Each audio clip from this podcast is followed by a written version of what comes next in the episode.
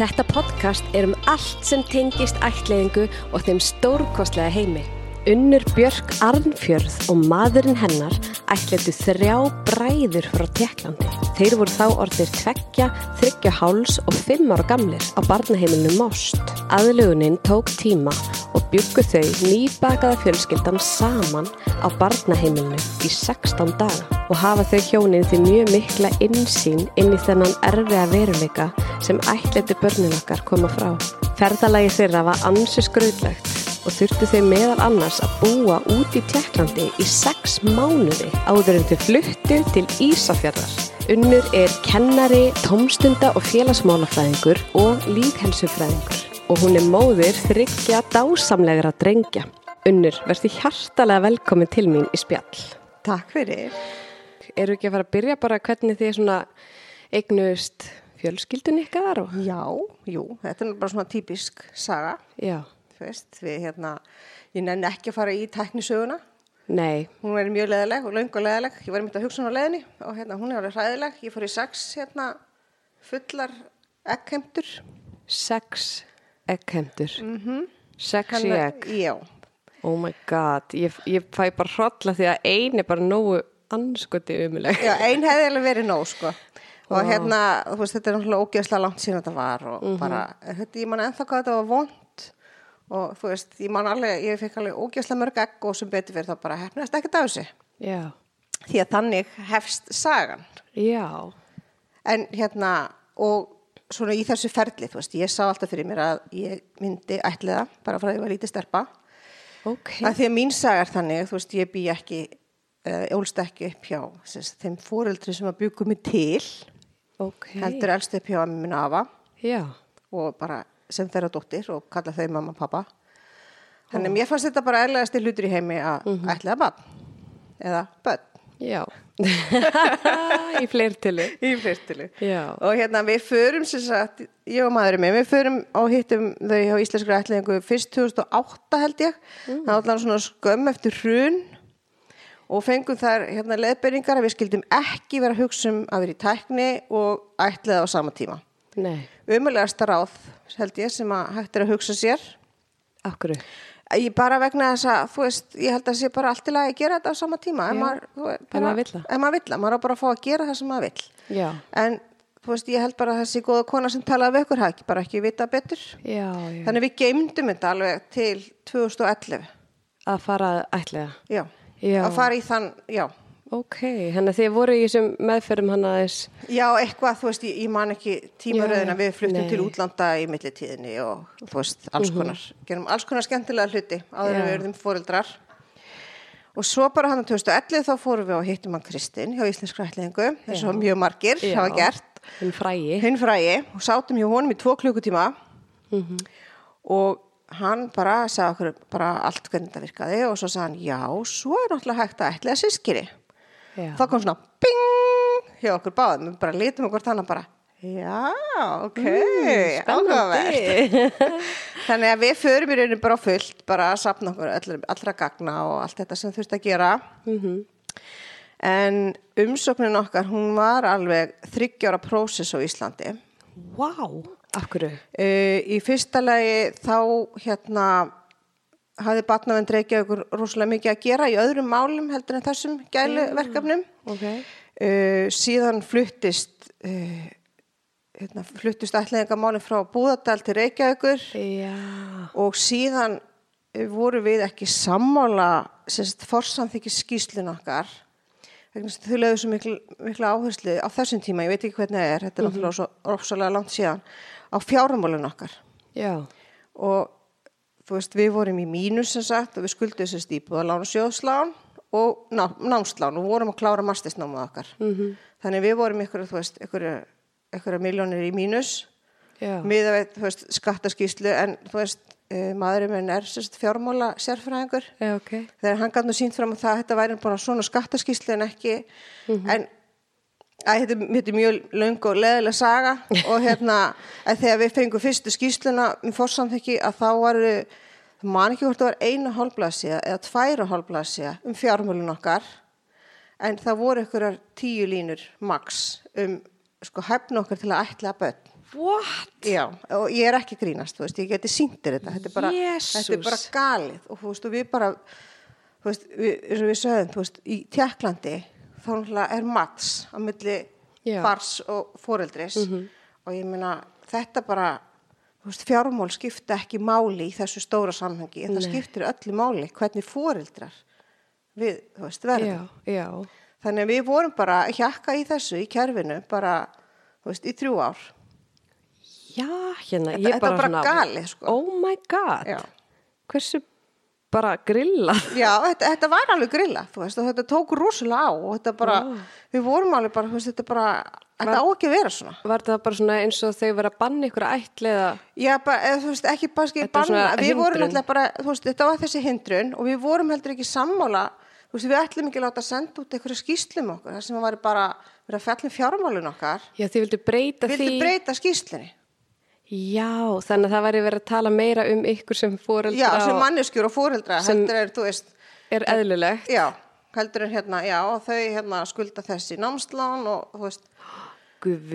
og, og það var alltaf, þú veist, það er þessi núlstað, þú veist, já, þetta er svona núna og þú veist, ég meina, nú er náttúrulega, hvað, 12 ár síðan þetta var, eða eitthvað, og ég meina, þú veist, það er allt annað hjá okkur, við erum náttúrulega bara, þú veist, búin að koma okkur upp, komin í vinnu og allt þetta, Einmitt. en þetta var alveg bara, þetta var rosalega flókið og strempið og, En voru þau ekki til í að breyta skýslinu eða? Já, því þetta við bara eh, að endanum Já, en þurftum þið virkilega að berjast fyrir því og við þurftum að, veist, við tókum langa fundi, þú veist, með deildastur að batnavendur í Reykjavík og við reyndum að ná í fólki á síslumannsembættinu sem mann hljóti ekki ná í sig og, og við kjærðum þetta fyrir ættleiðingarnemnd sem að tók óendalega langan tíma Vá, hvað er hallarslegt. Já, og svo náttúrulega, þú veist, þú veist, svo náttúrulega að því það er, minnir sé eitt ár sem að skýslan, þú veist, Mhm. Já. þarf alltaf að endur í eins og fresti, þannig að þú veist, það þurfti náttúrulega að endur í skýsluna síðan.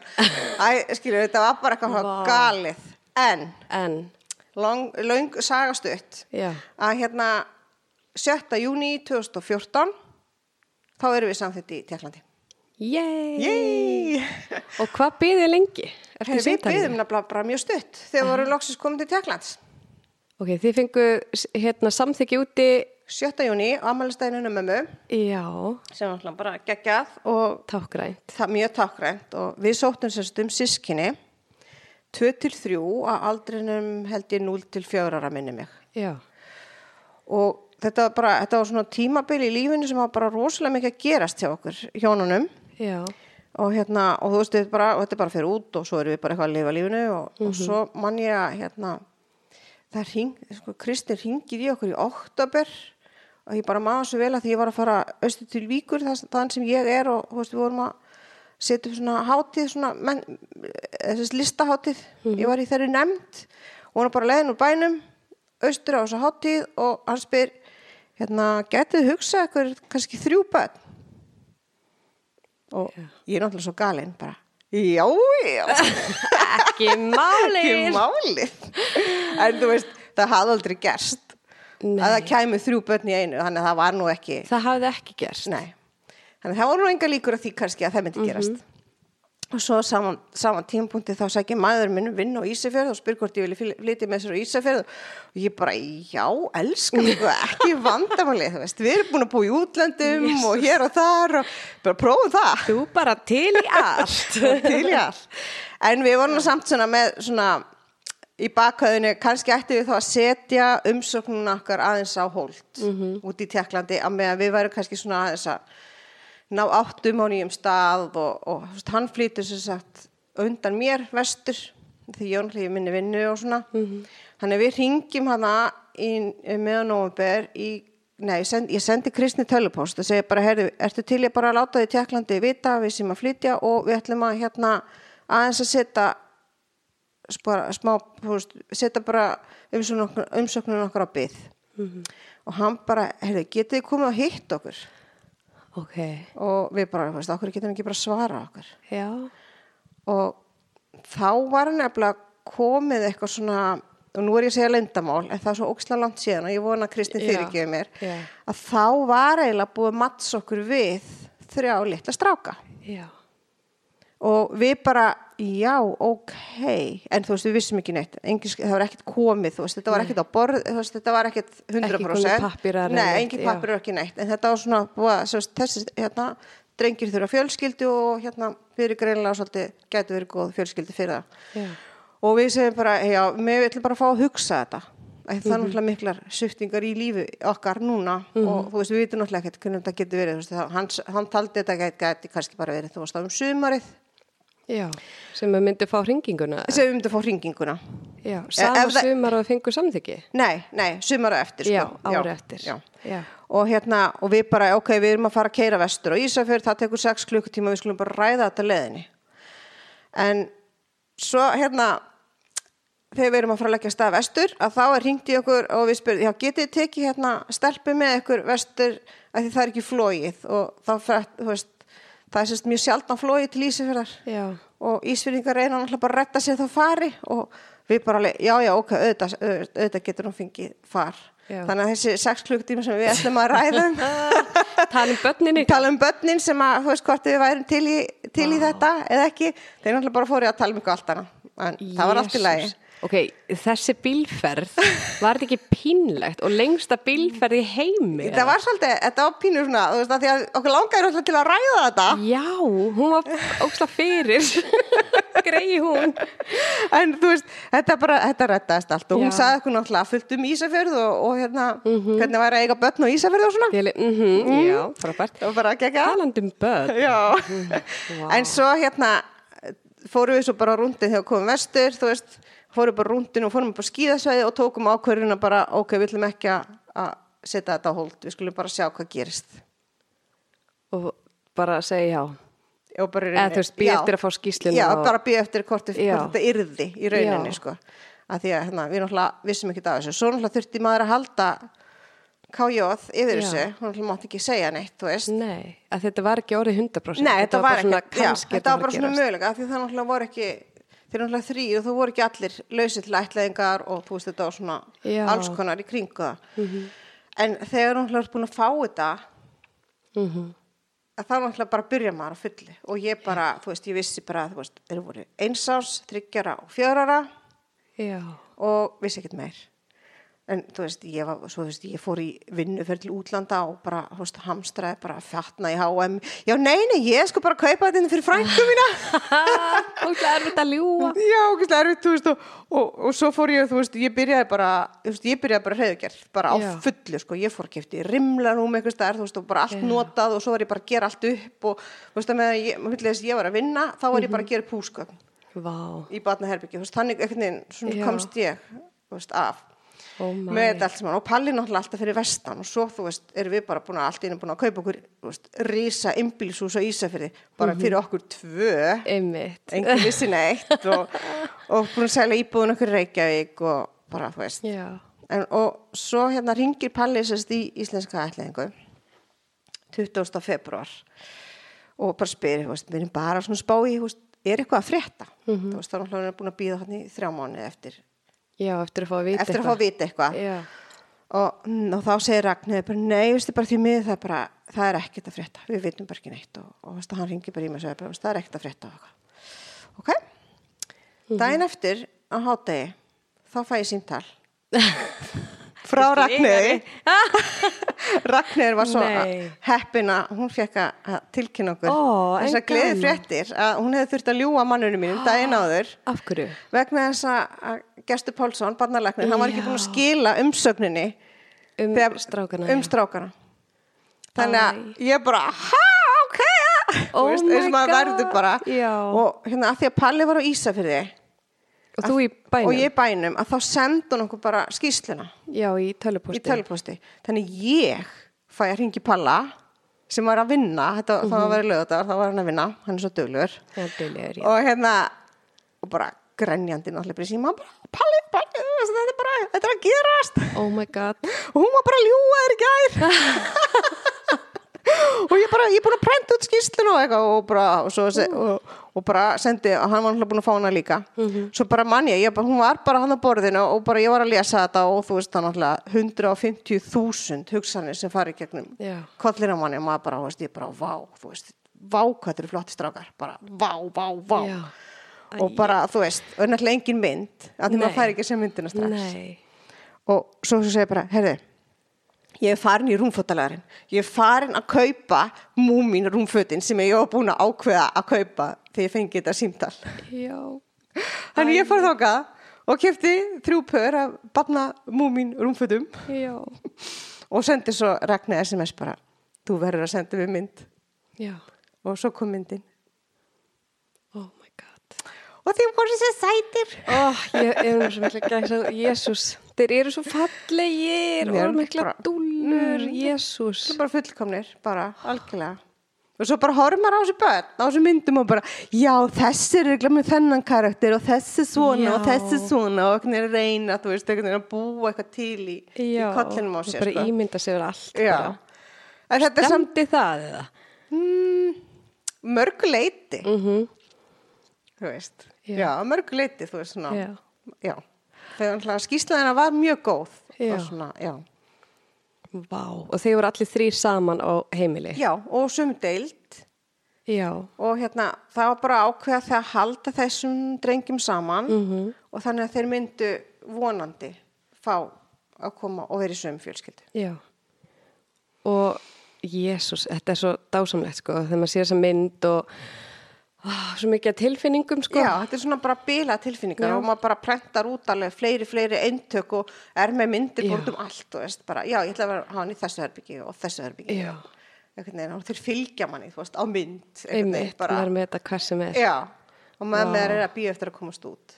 Og hvað þurfti að byggja lengi eftir að fara út? Heyrðu, það nefnilega, já, sko Við vorum, ég var náttúrulega ekki flutt vestur þegar þetta gerist Nei, já þú, æ, þið voru ekki svona saman. Nei, við vorum ekki eins og sama Var það ekki úslega erfitt? Ég, geta ég man bara- það ekki ég Nei, þú varst ég bara, eitthvað í við rúmfattalæðinu. vorum, Já, við vorum bara eitthvað "Ugh." Og svo bara hringdi ég, þú veist, í mömmu og, og, og sýstu mína og frængu mína og þú veist, og það ég man bara, við bara það var endarist skálað bara Já, bara heima á mér, bara nú, nú ó, svo gaman.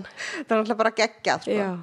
Og hérna, og ég man, þú veist, ég var að fara í ræktina og ég lapp, ég mam, eftir þessi tilfinningu ég bara, já, ég er bara fyrir ræktina og ég er bara en þryggja barna móðir I'm looking good.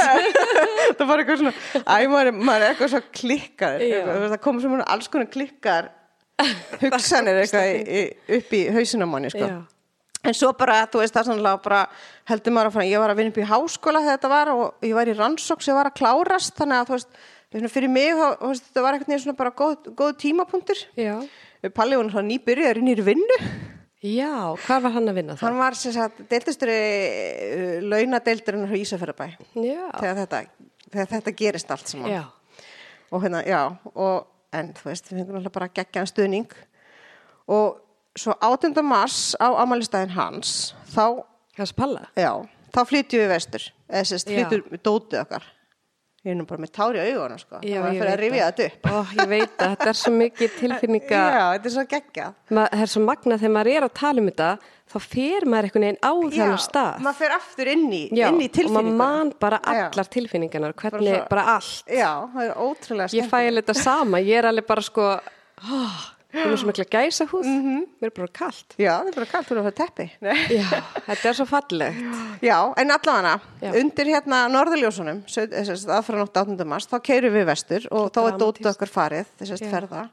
Og við kaupum hús á konu sem heitir Hugljúf Já, mm ótrúlega fallegt nafn en hún ber nafn með rendu bara, hún er ótrúlega stóran stað í hjarta okkar því að eh, sko, við, við erum held ég bara við erum bara búin að skrifa undir samning bara eitthvað tíman hann í byrjun janúar fyrir þetta hús. Og það er svona auka íbúð í húsinu Já. og Palli má bara flytja þanga inn. Og svo bara, þú veist, að því hún var náttúrulega býja eftir að fá sína íbúð þú veist, hún var búin að kaupa og fólki sem hún var að kaupa var að býja eftir að fá Já. sitt, þú veist. Og hún náttúrulega, veist, ekkert náttúrulega hún er bara ótrúlega, hún tók bara á stofunni hjá sér og tæmdi eitt herbyggi og við máttum bara koma bústöðun okkar bara inn til hennar að meðan við, hún var að býða eftir. og bara, veist, einstök manneska, Vá. hún bara alveg einstök. Já, og hérna hérna, Palli var bara fluttur inn í húsi ok okkar. Með hugljófu. já, með hugljóðu sem er alltaf köllu Lúlú. Æ, hversu krútleg. Já, og bara, þú veist, og, og það var bara allt eitthvað svo fallegt. Og svo bara, þú veist, hjálpuðu við Lúlu að flytja síðan þannig að ég var einmitt að bara fá minningu á Facebook bara áðan Já. að þú veist 30.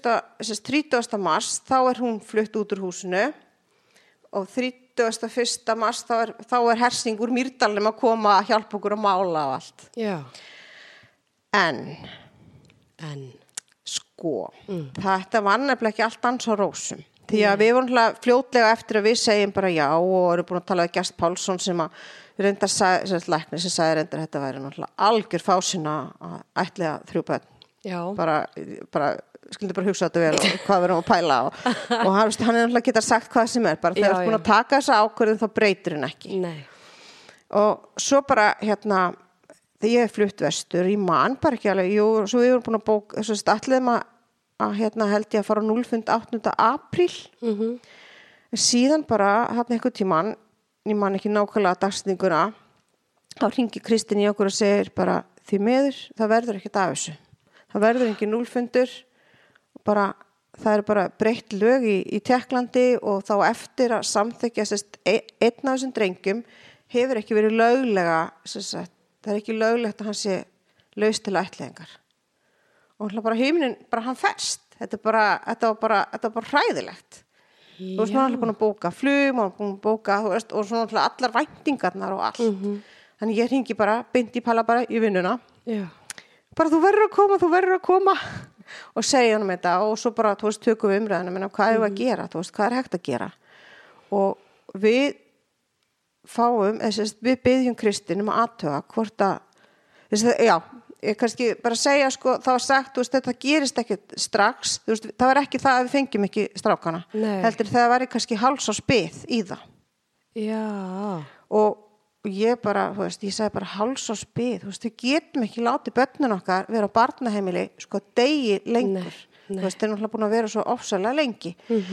Og bara, þú veist, og bara við hugsaum bara hvað er hægt að gera? Og við byggjum Kristinum að aðtöku hvort við megum koma út og vera með þeim þennan tíma sem að tekur þess að dómarana að dæma í máli þess sem er ekki Já. löglega, sérst, Ekki löglega laus og við fáum það Já, þannig þið vissu þegar fóru út að þyrftu að vera hann í hálft ár. Já. Og Var við, það ekki gott að fá það? jú, þetta var bara, þú veist, þannig að þetta frestast í rauninu bara um halva mánuð. Sjáum bara ennþá betra, eða sko, þannig séð betra því þá gáttum við komið okkur fyrir í húsinu áður en við fluttum. Já. Eða sérst fluttum út, já, hérna, já. Ég, og ég náði sérst að vera mánuð á Ísafjörði áður en við fyrir til Prag Já. og hérna 8. apríl þá fljúum við út og 21. apríl þá hittum við þá í fyrsta skipti. Já. Oh my god. Og hvernig, Jésús, þetta er ekki smá rússipanni, bara strax þarna. Mhm. Að þið eru að vita að þið eru að fara út og fara að vera hann í hálft ár sem er ógæðslega langu tími. fáranlega langu tími. Og voruð þá bara búin að bóka íbúð og eitthvað? Nei, nei, Nei. Sko, nei, við vorum nefnilega ekki búin að gera það af því við vorum náttúrulega að hugsa um bara, já, ok, við vitum svo lítið Já. og þannig að það náttúrulega við erum ekki geta sko bókað íbúð eitthvað staðar eða þannig við fórum bara út og við í rauninni ekkert hvað er þeim lengi í, í Most, þeir komum sérst frá Most Já. Og við vitum ekkert, veist, og á þeim tíma mátti maður velja hvar í Tjekklandi maður býr Já. og veist, á, Á ert að Já, að komast heim. já. Já. en það er okkur sérst að þakka eða ekki þakka að nú fara allir til Börnó Já, takk. það er ímyndið sem að við, við breyttum við, við skrifum sögun í Tjekklandi Er það ekki? Jú. Já. og hérna, já, nei en með bara mjög góðra manna og hvenna hjálp og þá fengum við íbúð í Prag Mhm. sem að var bara svona íbúð á, á venjulegu legumarkaði Já. og við gáttum bara sagt upp með veist, stuttum fyrirvara Já. en það er nú einu saga það er önnur saga. Já. En ok, förum til Tjekklands. Eru að fara að barna heimilið. Já, við erum bara komin til Most Við gist, við gistum náttúrulega fyrst eina nótt í Börná og förum á núlfundin og hittum Mörtu, tólkin okkar í fyrsta skipti og hérna förum svo með henni til Prag og gistum á hótel í Prag og borðum mat í síðasta skipti sem tveir einstaklingar. Óárið Í síðasta skipti. í síðasta skipti. og Marta einmitt sagði, bara njótið þess njótið þess. Og maður bara njóta þess, hvernig getur maður notið þess? Einmitt, það voru allir að segja þetta mm. njótið þess að fara einu klósti, njótið Já. þess að gera þetta einmæli Já, ég er bara búin að býða, ég er búin að býða Ég vill bara þessi áreitt allstæðar og svo bara, hérna Marta er náttúrulega bara best í heimi. Hún er hún er bara æði.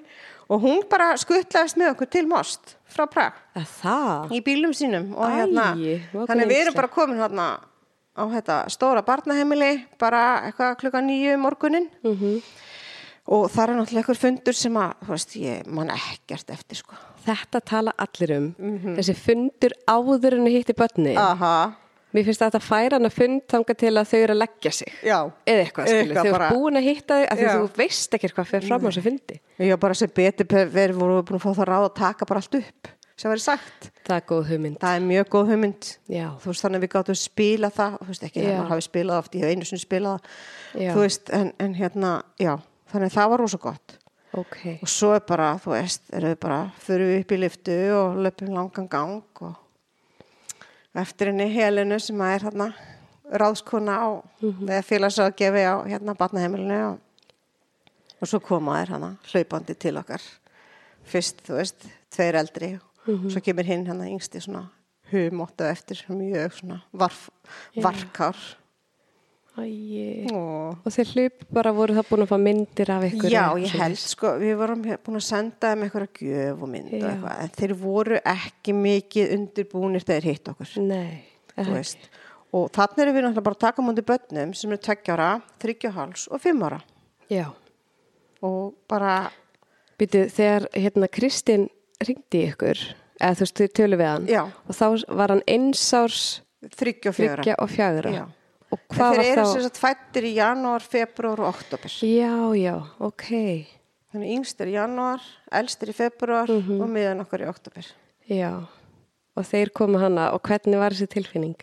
Var þetta ekki skrítið? Þetta voru svo skrítið. Já, þú veist, maður er bara rosa spenntur og, og búin, og búin að segja, þú veist, það er að passa að lefa þeim að koma til ykkar og þetta allt saman, sko og þetta var bara, þetta var rosa skrítið já, þú veist, maður að reyna eitthvað og þú veist, og svo bara horfum að myndir og við erum öll frosin, þú veist fullorðnir og börn, þú veist. Emmi og svo náttúrulega bara margt að túlka það sem þeir eru að segja, svo náttúrulega elstið er náttúrulega bara alltaland og teknisku Já, og þú veist, þetta, bara, þetta var bara ókslega erfitt. Mhm, fyrir alla, sko. Já Svolítið sjokk Já, þetta var bara svona sjokk veginn, svona bara, en, en alveg gaman, sko. Já, Og þú veist, við elskum að horfa á þessu myndir og skoða þessu myndir og svona, þú veist, og þeir eru náttúrulega ótrúlega duglega að sína okkur og þú veist, allt þetta.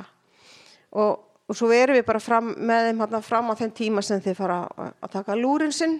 já, og þeir taka allir lúr, líka Þeir þessi taka elsti allir lúr, Líka fimm ára líka Og er þetta fimm ekki ára. þryggja tíma lúr eða eitthvað? Það er allan veist, eftir hátismatinn, þá voru þið bara settir í náttföt, allt myrkuð inn í, inn í herbygginu og þeir eru að fara að sofa.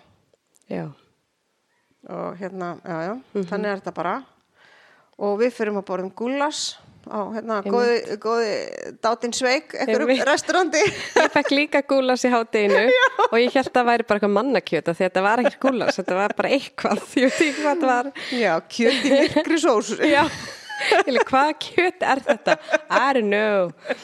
En já, fyndi gúlasið er náttúrulega klassíst. klassíst, klassíst Gúlas í hátteginu. já, Og var þetta ekki spennufall í hátteginu? jú, þetta var náttúrulega þetta var þetta sé, mjög skrítið og hérna og þú veist, já, þetta var bara rosa skrítið Já, og líka bara, þú veist, það er rosalegt það er rosalega, þetta er bara, já, bara bæða fyrir okkur öll og svo eftir eftir lúrin komum við aftur og þá fyrir við út í garð að leika.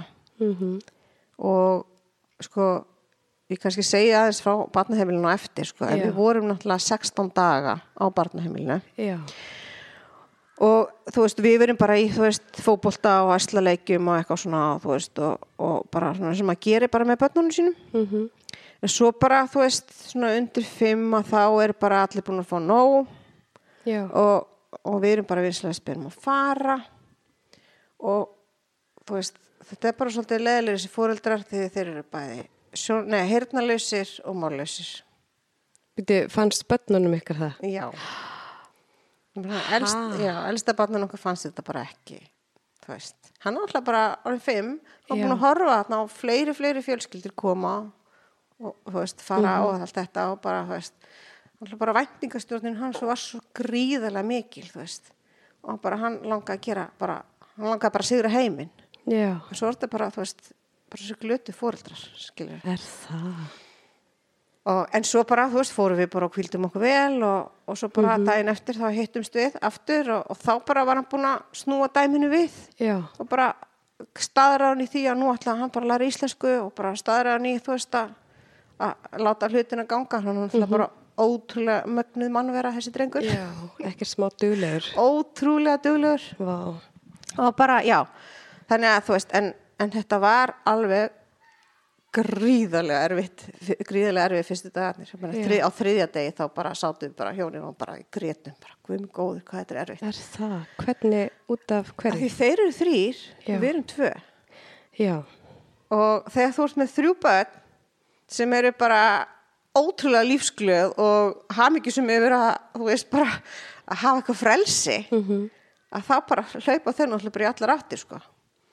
Þannig að þú veist það, það var til dæmis bara svona hindrun og bara fólki á barnaheimilinu þú veist, reyndist okkur ofsalega vel. Og, þú veist, og ég ætla minn ekki aldrei tala illa um, um barnaheimili þeirra vegna þess að starfsfólki var ótrúlega þú veist, gott við okkur og þú veist, sá alveg sko, þú veist, hva- hvað þetta var erfitt. Og hérna og svo bara fljótlega sko, þá fengum við bara aðstóð til að við gætum komist út fyrir garðin í, á barnaheimilinu já, meinar. já, Byrju, var það bara eitthvað sem fylgdi ykkur? já eða? það er bara kona sem að tala teknísku Já, og, og svo alltaf ennsku og þú veist bara hjálpa okkur þú veist hjálpa okkur í molli til þess að kaupa handaðum skó og föt og hjálpa okkur að fara á McDonalds bara veist, hjálpa okkur bara þú veist að fara í eitthvað svona parku eitthvað svona leikjagarða og eitthvað svona bara Já. þú veist að meðan við vorum þú veist bara meðan við vorum svona bara að kynnast já. Því Líka það- því að hann var svo stór Já. elsti. og svo líka þryggja hálsa svo Já. við tvo svolítið stóra stráka þú veist þessi teggjar hann hlapa bara svona Já, hann var bara baby. Já, og hérna, þannig að þú veist, við fengum gríðlega góða aðstof. Við vorum á sérst, uh, í, með íbúð fyrir ofan deildina þeirra á barnaheimilinu. Já, sem að þið gáttu verið bara í. Já, sem við gáttum verið í og þeir komu til okkar, sko, held ég á degi 6, að þá eru þeir alkomnir til okkar. Í íbúna á.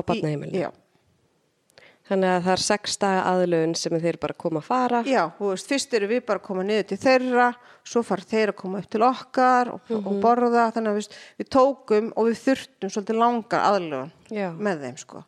Er það ekki gott Jú, bara? þetta er bara rosa gott. Já. Og hérna, Þannig að það var auðveldara fyrir þá að koma svo alveg til ykkar. Já, þangað til þið fóru að sofa. Já, hvernig var fyrsta nóttin? Hún var svakaleg. Elsku, elsku kallarni mínir. var bara opbúslega erfitt fyrir þá að sopna og bara bara, og svona eftir á hyggja náttúrulega áttu við bara að fara niður og byggja einhvern veginn að koma að hjálpa okkur. En, en við erum náttúrulega fóreldrar, skilur við, við erum að hérna sanna okkur og við Nákvæmlega. getum þetta og allt þetta og, og svo endan sopna þessi tveir yngri en elsti drengurinn okkar, hann sopnar ekki fyrir þrjum nóttina og það á bakinn á pappa sín. Já. þú veist, þetta er svo fallið saga við, við tölum oft um þessu sögu, þú veist, svona ræðum hana. En svo er hann bara vaknað klokkan 6 með sínum. Og það var svolítið svona til að byrja með svolítið þeirra hérna, tími til að vakna. Það var svona 6 á mótnana En vöknu er þá bara til í daginn eða þú veist, lágu þeir bara stjarfir nei, þeir voru sko til í daginn börnin mín hafa aldrei verið í rúminu Nei, lengur en þau þurfa. Að því að voru batnaheimili Já. og þú ert ekki tekin upp fyrir klukkan átta eða eitthvað. akkurat, en nei, ekki mín Þeir voru bara þarna, Já, þau bara ding, vaknaðir og svo bara Fóru heyrir þau maður, svo heyrir maður svona tramp í litlum fótum. Fyrst, svo, fyrst kom eitt, svo kom næsti og svo kom næsti. Þannig að það var bara frelsi og þeir það bara voru gegn- frelsið var svo gríðalegt og þú veist, Og þeir til í það. og þeir sko algjörlega til í, í allt sitt frelsi. Vá, og hvernig, hvernig var þetta, þú veist, þurftur að svæ, eða þú veist, svæfður þá eða fannst þeim það erfitt sko, eða? uh, við náttúrulega við, við, við fengum hjálp við, við sem sagt, eftir þessi fyrstu nótt nei, á þriði nóttina sem við erum að svæfa á Já. þá fáum við bara aðstóð frá barnaheimilin það kom bara kona sem satt inn í herbygginu hjá þeim þangar til að sofna Já, og þú veist, það bara það bjargaði öllu en þeir voru náttúrulega vanið því. þeir voru, Eh, uh, já, þeir voru, já mjög, mjög líklegt að þessi, það hafi verið þannig að Já. það niðri mm þannig að þeir sopnuðu þú veist, þá bara var eitthvað hjá sem þeir þekktu og treystu þannig þeir gátu sopna Já. og svo bara sváðu þeir bara þannig til um morgunin þannig að bara, það, það var svona lífsbjörg. Þeir sváðu rosalega vel á nóttinni En náðu þið að sofa vel? ég man það ekki. Nei. bara svona, það er bara erfitt að allt í er eitthvað lífverður þannig sem er að nei, kynnast man, og bara... já, ég man ekki eftir að það hafi verið neitt neitt flókið sko Nei, Nei. En síðan sko við ringjum náttúrulega svo SOS símtal til Íslands Mhm. uh, í mákunum mína, sýstur mannsins míns og bara spyrjum bara, því hún var búin að segja, þú veist, ef það er eitthvað, þetta ringt í okkur og ég kem. já, Og hún var bara komin tveimdum setna til þess að hjálpa ykkur. til að hjálpa ykkur. Og, og, og, það er náttúrulega henni að þakka og dótturinnar sem kom með henni að við komumst sko bara frá barnahefilinni til Prag. Já, í Ekki- já, íbúð. bara, já, í íbúðuna þar sko en þá samt, þú veist, þannig að kemur þetta með tímanum, þú Mhm. veist að hérna, þeir fara aðeins að treysta okkur og þú veist, Já. það allt saman en, en þú þetta bara tók langa tíma og Já. 9. mæ þá flytjum við til Prag Ok. upp á fymtu hæð í liftulausu húsi Lyftu lausu húsi. Oh my god. Það er líkamsagt. það er líka sagt og hérna auðmingja yngsti drengurinn, hann bara traumatæst bara, þess að hann sá tröppurnar bara alltaf, hann sá þessar tröppur, hann bara byrjaði að öskra Vá. og hérna og ég voru náttúrulega ekki mjög vinsal í þessari blokk og náttúrulega mikið læti í okkur og, og svona og þannig að fordómar og margir hafa talað um, þú veist Jöp. Og hérna, en þú veist, það var bæði ofsalega gott fólk í þessari blokk og svo líka bara, þú veist, bara hegsínur það var þess að konan á fyrstu hæð hún, hún, hún satt um okkur sko, þegar hún, þú veist, bara og segjaði mig, já, látti batni hætta að öskra og eitthvað svona, Á tjernisku. Nei, á ensku Á ennsku? Mhm. Nú, ok. og hérna, Vá. en þú veist bara við hlustum ekki á það Nei, og hérna bitch. Og hún var, við, við köllum hana hegsínu Já, það passa vel. já, Vá. En eigum við að tala þessu um batnaheimilið áður við höldum við sögun getum gert áfram. að því að mjög svo, ég held að það sé mjög fáir sem hafa svona svakalega mikla reynslu af batnaheimili eins og þið. Flestir hafa verið hana bara í einhver örfa á daga og fæstir hafa gist hana held ég. Mhm. Og því voru hann í tvær vikur, já, 16 dag 16 daga. Það var svo áhugavert. Já, bara, ég bara man veist, minning sem að ég svo sem sagt mörgum er bara, þetta var bara þetta er mjög, þetta er þessi stærsta batnaheimil í Tjekklandi -hmm. og þannig er börn á aldrei 0 til 30 ára. Og þetta var alveg fjórar hæðir held ég og þeir voru upp á efstu hæð og það er engin gluggi nema bara svona þakgluggar.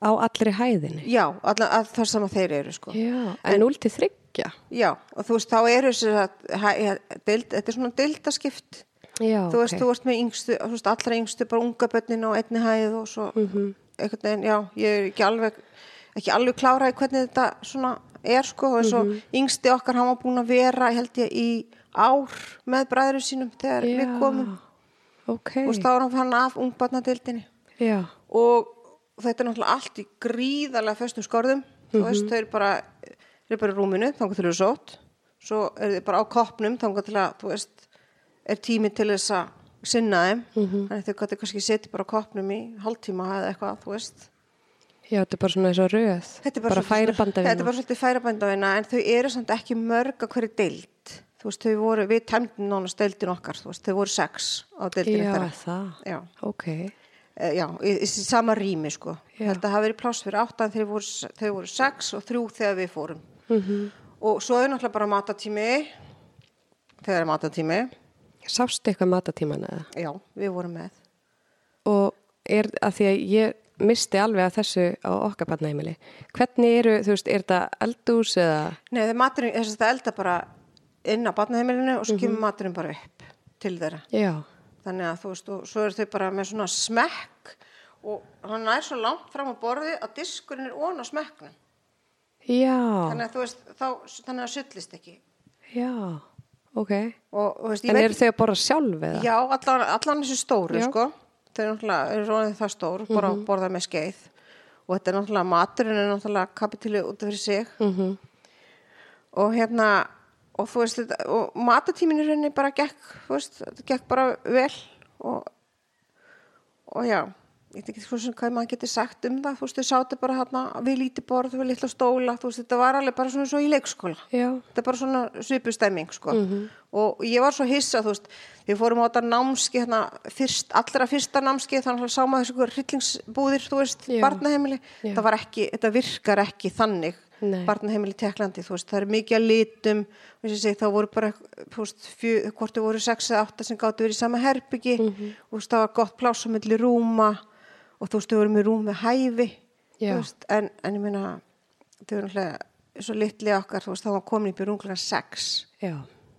í rimlarúmi sitt og hann svaf ekkert mikið í rimlarúmi eftir hann hitti okkur Nei. og þú veist, þá föttu stúlka þarna, menn hún var líka bara sett upp í rúm. Mhm. Þú veist, þannig að þetta er svona, Það látið sofa rosalega lengi. já, þau eru bara látin vera í rúminu rosalega lengi. Mhm. Og þú veist, ég hafði náttúrulega pínu ágjur af svona, þú veist,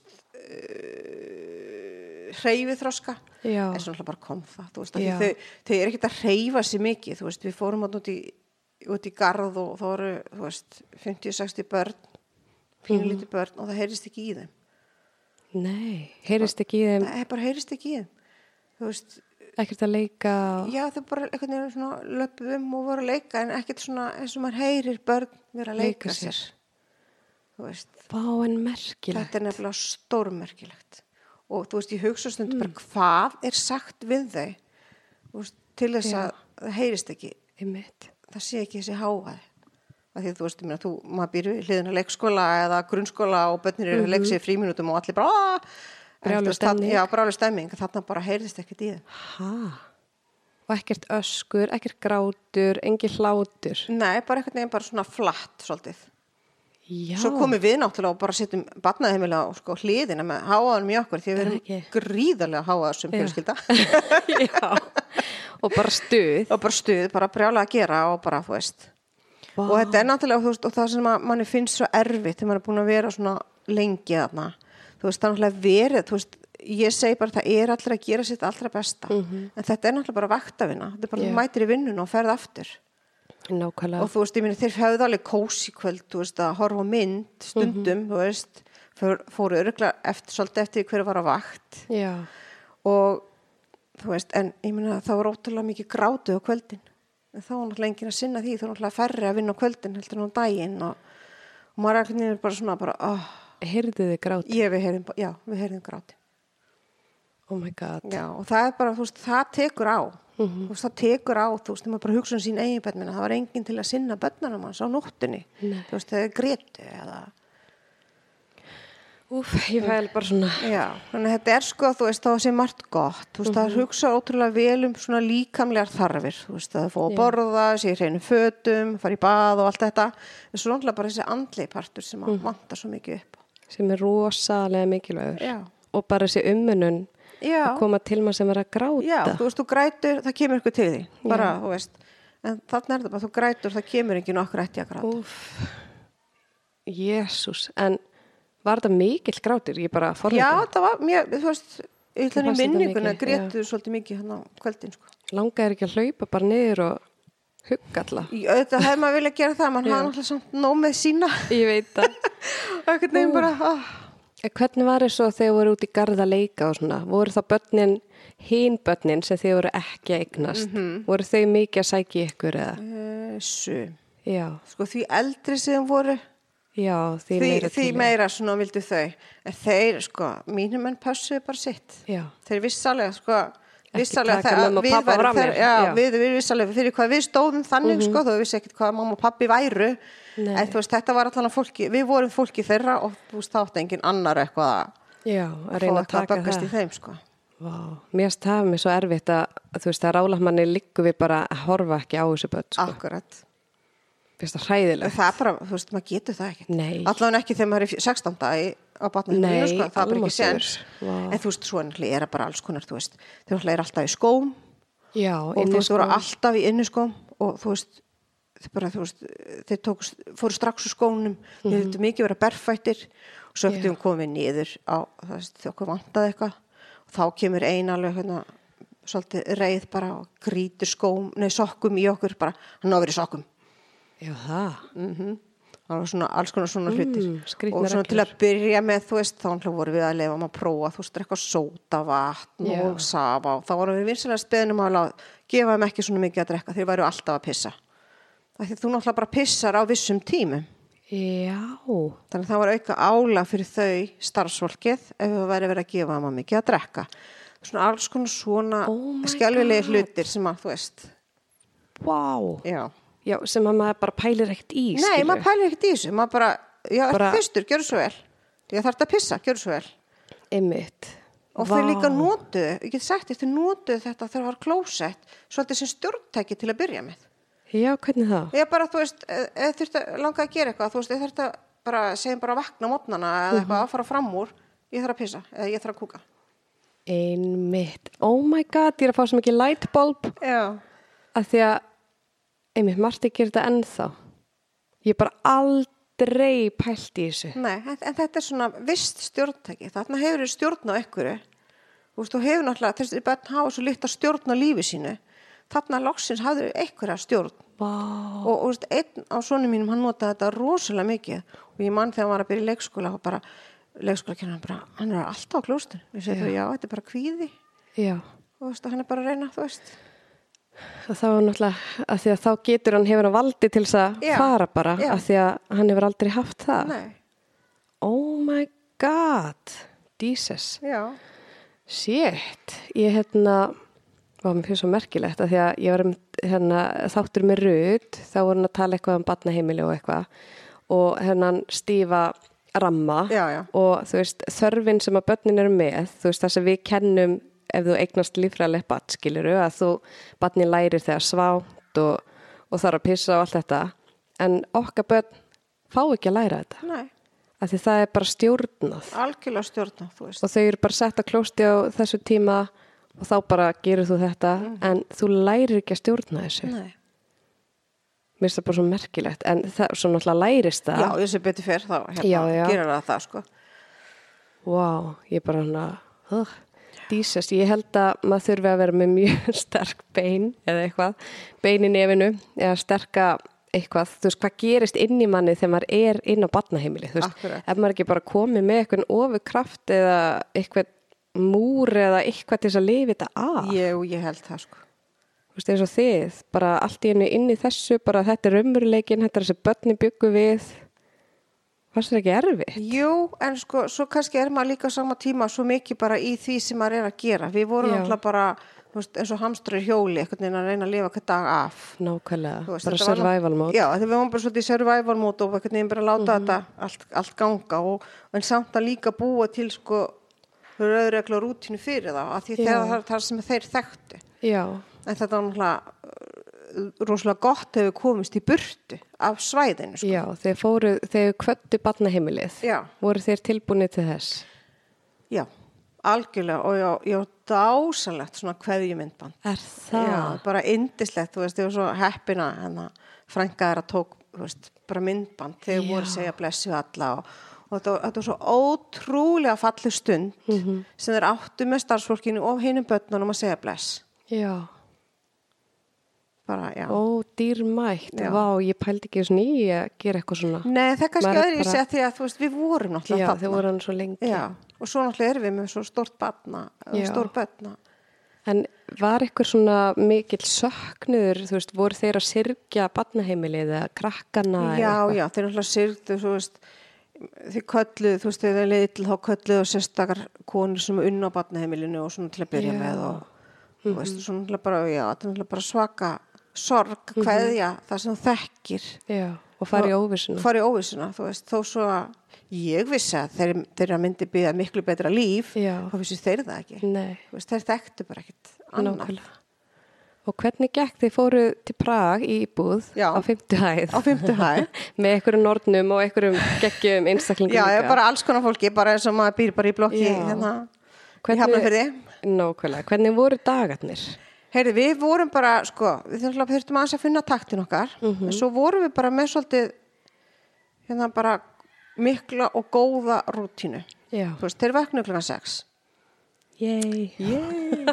og hérna Geggjað. við púsluðum Já. og reyndum bara að takmarka allan háaða, þannig að mm þú veist, það eru þunnir veggir og þunn gólf á milli Já.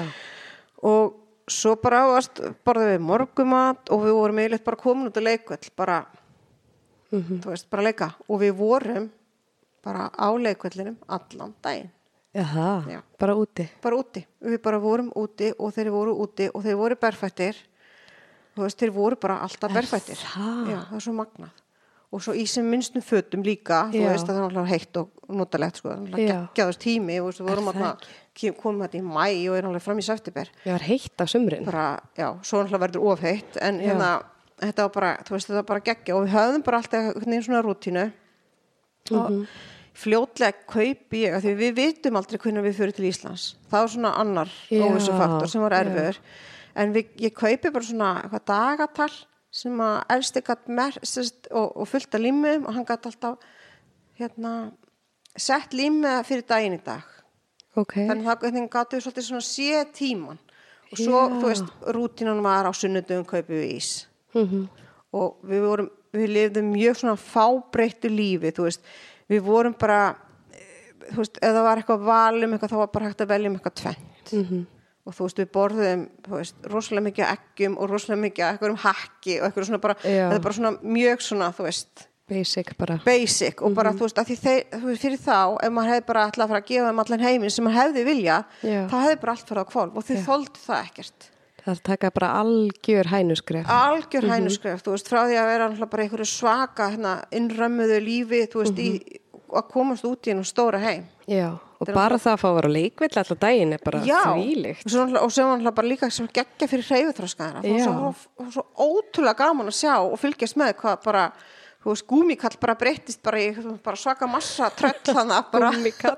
Já, á nokkru mánum þú veist, það Já. bara þetta var svo, þetta var svo magna að sjá það þroskast En mér finnst eitt svo merkilegt, þú ert að segja með að þið vildi vera táslunum, mm -hmm. því að nú er maður náttúrulega búin að þú veist læra þessum börn og svona, en pældi þið þurftu á því að halda til þess að örfa skinn færin og allt það, bara skinnjunina Já. og þeir bara gerðu þetta sjálfur. þið gerir bara sjálfur, bara, alltaf á táslanum bara. Já, og það er engin smá örfun sem fyrir gegnum iljarnar og veist, finna mismunandi svona, undilag og, já, mjúkt og hart og steina og allt þetta. Djúlir er klárir. þeir eru, þessi börn eru náttúrulega bara eitthvað annað sko. Ógeðslega klár, þeir vita bara nákvæmlega hvað þeir þurfa. hvað þeir þurfa, bara, þetta er bara ótrúlega Vist það svo flott. merkilegt, ég er bara svona vá, vá hvað ég er stolt að ég er bara ótrúlega stolt að þessum strákum. Já, ég, ég líka, mjög, Já. og svo náttúrulega bara þurftu þeir að læra, þú veist, að fara í búð að vestla og, og við svona, við sko, þeir eru ekki gert það. Mm, elsti, elsti mögulega. Hann hafði aðeins svona farið í heimsóknir og, þú veist, Ókei. inn á önnur heimili og svona, þú veist, í gegnum starfsfólkið, en ekki hinir tveir. Nei, Og þú veist, sko, þessi elsti, hann er náttúrulega bara, hann er, hann er magnaður, þeir náttúrulega er allir magnaður. En sko, það var sagt við okkur, já, sko, hann var náttúrulega bara svona eins og einn á starfsfólkinu bara. sem var svona bæði gott og slæmt fyrir hann sko, Já, já. þú veist þannig að við tókum kannski við svolítið gömlum kalli hana. Já, er hann svolítið gumulsál já, en hann er nú bara sem betur fyrir bara svolítið að breytast bara í ungling. Hlórið 13 hann að, Einmitt. Nákvæmlega, eldist niður. Já, hann, hann, hann eldist niður. Já. það var mjög, sem er bara, þú veist það var bara mjög gott. En auðvitað var þetta náttúrulega ofsa erfitt fyrir þá bara, Mhm. alla bara, þú veist. Bara tilfinningalega og... já, bara, þú veist. Já. og við náttúrulega, þú veist, hérna við fengum hérna, mákunum mína sem var hjá okkur og hún var alveg hjá okkur held í tíu daga. Já, og bara hjálpa okkur að flytja og svo náttúrulega þurfti að gera græja þurfti að fara í IKEA og kaupa alls konar dót og mm -hmm. þetta var náttúrulega hálf tólum íbúð sem betur fer. Já, og hérna, þannig að það var ekki mikið, mikið af dóti sem var hægt að skemma eða þú veist, einmitt. svo leis og svo bara græja við barnarúm og bara, þetta bara já, gekk bara vel.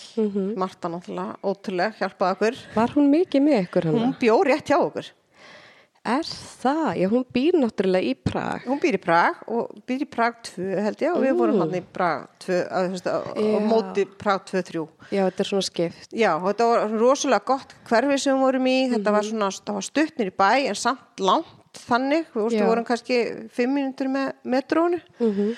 og ekki að við höfum verið mikið í bæ en hérna, þú veist, Nei. við hefum viljað fara þangað. Og stutt frá mörtu og bara einhvern veginn svona, það var svona alþjóðlegt frekar. Þannig að þið gáttu alltaf að leita til mörtu. Ef það var eitthvað, og... já, já, þá gáttu við Já. leita til hennar. Vá, hversu næs er það? Veist, það er strákar- öryggi. Já, það eru öryggi, sko, og mér stákarnir fóru í heimsó, eða við fórum í heimsó til hennar og degraði það og, veist. Og gæt náttúrulega líka tala teknisku sem var náttúrulega svo mikilvægt fyrir sérstaklega þess að tvo eldri, sko. Já, En sko, þessi yngsti var náttúrulega bara búin að ná íslenskunni bara á er. Vá, En ég ætla að segja frá hérna tungumálunum og eftir, það, það, er það er svolítið magna líka, sko. En já, svo bara dagarnir okkur voru bara svona frekar einfaldir Mhm. og svo bara klukkan fimm, þá fórum við alltaf inn og þeir vissu það bara klukkan fimm fyrir við heim, þá borðum við kvöldmatt, þeir fóru í bað, við lásum sögu og þeir fóru að sofa. Já. Og oft þeir voru yfirleitt bara sopnaði klukkan hálf sjö. Já, og það gekk bara vel. Já, við varum bara kjöndum að láta svæfa sig Já, og skiptum sér sett uh, annað okkar tók tvo Mhm. og svo tók hitt einn. já. Skiptist á þannig tvo eldri og einn yngri. Nei. Nei. Tvo yngri og þessi elsti var, Já. var alveg sér. Alveg sér. Já. Já, og hérna, og þá bara, þú veist, alltaf ég, ég byrjaði, fyrstu sex vikurnar þá sagði ég hann eldri Mm og við vorum bara með okkar rútínu, þú veist við sungum klóra bak, lassugu og svo bara fórum svo Já, þannig að það var alltaf bara, þú veist við söng alltaf sömu lögin og þetta var bara rosa bara svona bara alltaf eins. Fyrirsjáanlegt. fyrirsjáanlegt, mm því það er það sem þeir þurftu hafa Já. fyrirsjáanleik í lífinu. Vá. og svo bara já, svo náttúrulega bara fyrir við alltaf að geta að tala meira saman og svona hluti og erum náttúrulega að gera hluti með þeim, þú veist, og við erum svolítið að skipta okkur, svo veist, það er ótrúlega lítið málar með tvö börn, Mhm. með við þrjú, Já, þannig að við vorum kannski bara annað okkar með, með tvo og svo, veist, hitt með einn og þá gæt maður gert kannski eitthvað annað með þessum eina Mhm. og sem bara, held að það sé bara lífsnöðsilegt, sko. Já. Líka bara þannig að þau fái þessa geðastundir, sko, bara algjörlega þau þarf í raun að byggja hvert og eitt upp frá Já. grunni. Al, já, og, þú veist, og það er líka svolítið flókið, sko. Já. Og svo líka þegar þú ert með, sko, einn í miðjunni, að fylgja yngri, að fylgja eldri. Já. Og þú veist, við vorum heilengi að finna, þú veist, hvað hva hendaði honum best. Og bara, þessi litli náttúrulega var bara, veist, lítill. Já. Og hann var kannski bara svona, til að byrja með, sko, ekki afskiptur, en þú veist, hann fekk svona grunnþarfir bara. Mm við vorum kannski meira svona að fóðra hinn andlega, sko. Já. Og svo bara, Bara finna út hver mesta þörfin er Já. og svona einhvern veginn. Fikra sig áfram. þykra sér áforma og hvernig bara að læra að þetta vera fjölskylda og, Já. og þó þeir væri bræður og, og hefðu verið saman á barnaheimilin sem bræður Mhm. þú veist, þeir eru náttúrulega bræður, bræður alveg líffræðilega bræður að þá er þurftu líka að læra að vera bræður af því Já. þeir voru náttúrulega aldrei einir sem bræður Nei, það var alltaf, þú veist, önnur börn líka í kringu það nákvæmlega. Og kannski skilja ekkert endilega séu bræður. neini, skildi það ekki neitt Nei. Það er bara, þú veist, ekkert frekar en hvað, hvað er mamma, hvað er pappi Já, og hvað allar hinir, þú veist, Já. akkur þeir þrýr. Já, Ó, þannig að það er svona Já. En hvernig fannst þér að ganga svona bara svona fjölskyldu lífið eða eitthvað? það var bara mjög flókið, sko Já. og hérna, sem betur fyrir fengum við sko heimsóknir út fengum alveg að sýsti mín kom og var í viku mm -hmm. tengdamamma og mákonu mín komu og voru í viku og veist, það var rosa gott veist, að fá þetta fólk Já. þú veist, það, var svona kannski leið kannski, þú veist, hálfu mánuður milli heimsóknar, það var svona þjætt til að byrja með sko og síðan kom sem sagt hérna uh, líffræðileg móður mín, hún kom og, Ok. og bróði minn og hérna maðurinn hennar og þú veist, þau voru hjá okkur í nokkra daga þú veist, og það er svo, það er rosa gott að hafa eitthvað til þess að elda fyrir sig, eða þú þóttin fyrir sig eitthvað svona, þannig að við getum svolítið bara verið að hugsa um þá Já, nákvæmlega. og þú veist, það var alveg rosa dýrmætt en svo eftir, eftir hérna meðan eh, júli held ég, þá kom enginn Ok. og þá vorum við bara svolítið bara svona en náttúrulega þá vorum við bara svolítið orðin fjölskylda og, Já. og þú veist þekktum hvað verið best að gera og, Búið að læra að sinna já, þetta. við vorum búin að læra inn á þetta allt saman og svona Og hvað voru þá lengi bara þið fimm? Bara Við fimm? alveg til 13. september Já. alveg tvo mánuði bara við fimm Já. Vá. Þetta verður svaka svakalegur bara, Jésús. Ég hérna, E- Erfiðast fannst mér eiginlega, sko, það var náttúrulega fleiri börn að koma á þessum tíma. já, Kom til Íslands. já, þetta var eitthvað svona dundur ár, rosalega mörg börn að koma og við hittum held í flesta og það, sem, það, og já. það sem okkur fannst erfiðast, það var þegar hini voru að fara heim. Já, þið fengu aldrei að fara heim. Við vorum bara vissum ekkert hvernig við varum að fara heim. Þannig að þú veist, fólk að koma hana í júni, svo er það bara að fara í júli, þú veist, og eitthvað bara, Við verðum bara hér. og við erum bara hérna Já. og við vitum ekki neitt. Já, er það ekki? Leiðir eitthvað eins og vonlýsi að komast heim eða bara? Nei, sko, við vissum náttúrulega að myndi gerast, Mhm. en sko, það var bara svo erfitt að þess að geta ekki sagt, já, við erum að fara heim þennan dag. Já. Voru þeir eitthvað að pæla já, því? rosa mikið, þú veist, elsti var rosalega mikið að pæla í þessu, þú veist, bara hvernig við færum til Íslands og hvernig þetta væri og eitthvað, og, en ég meina, já, en á sama tíma náttúrulega var ég nýflutt á Ísafjörð, þannig að þú veist, fyrir mig að fara heim, Það var veist, bara ókunnugt líka. Já, það var bara ókunnugt, Prag var rauninni, sko, miklu meira heim fyrir mig, heldur en Ísafjörð nokk tíma. Einmitt. Þannig að þegar ég hugsaði heim, þá hugsaði ég bara til Reykjavík, sem ég, hafði búið áður. Já. Þannig að það var líka pínuflókið. Já, svolítið nýtt. Þetta var allt svolítið nýtt. Já, þannig að þú veist, við fjögur hana komum sérst, á Ísafjörð, þá erum við bara ný, nýbúar Já, í rauninni. Því maðurinn minn var búin að búa næstu í ár áður en að, Já. eh, nei, nei, hann er ekki búin að búa í næstu í ár, hann er búin að búa í halvt ár þegar Já.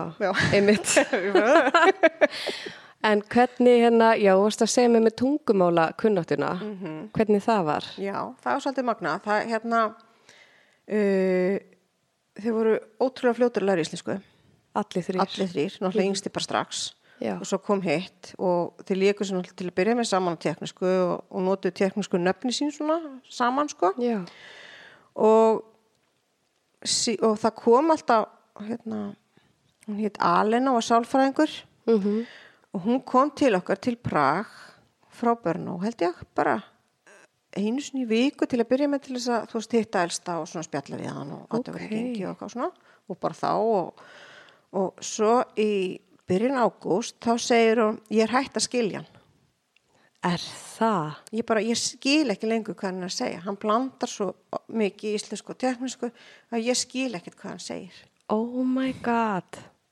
og það sem er svo, mér finnst svo magnað þú veist, við búum í teknísku umhverfi Já. það er allt teknast, nema náttúrulega við og Já. við erum búin náttúrulega svolítið í okkur litlu búblu en við á leikvellinum er allt teknast og Mhm. hann er að, þú veist hann er alveg að tala við börn Já. og reynda fullorna, já, hann er vist mjög gaman að tala við fólk, Einmitt. þú veist, á teknísku þannig að það er líka svolítið Það er ótrúlegt. ótrúlega magnað sko.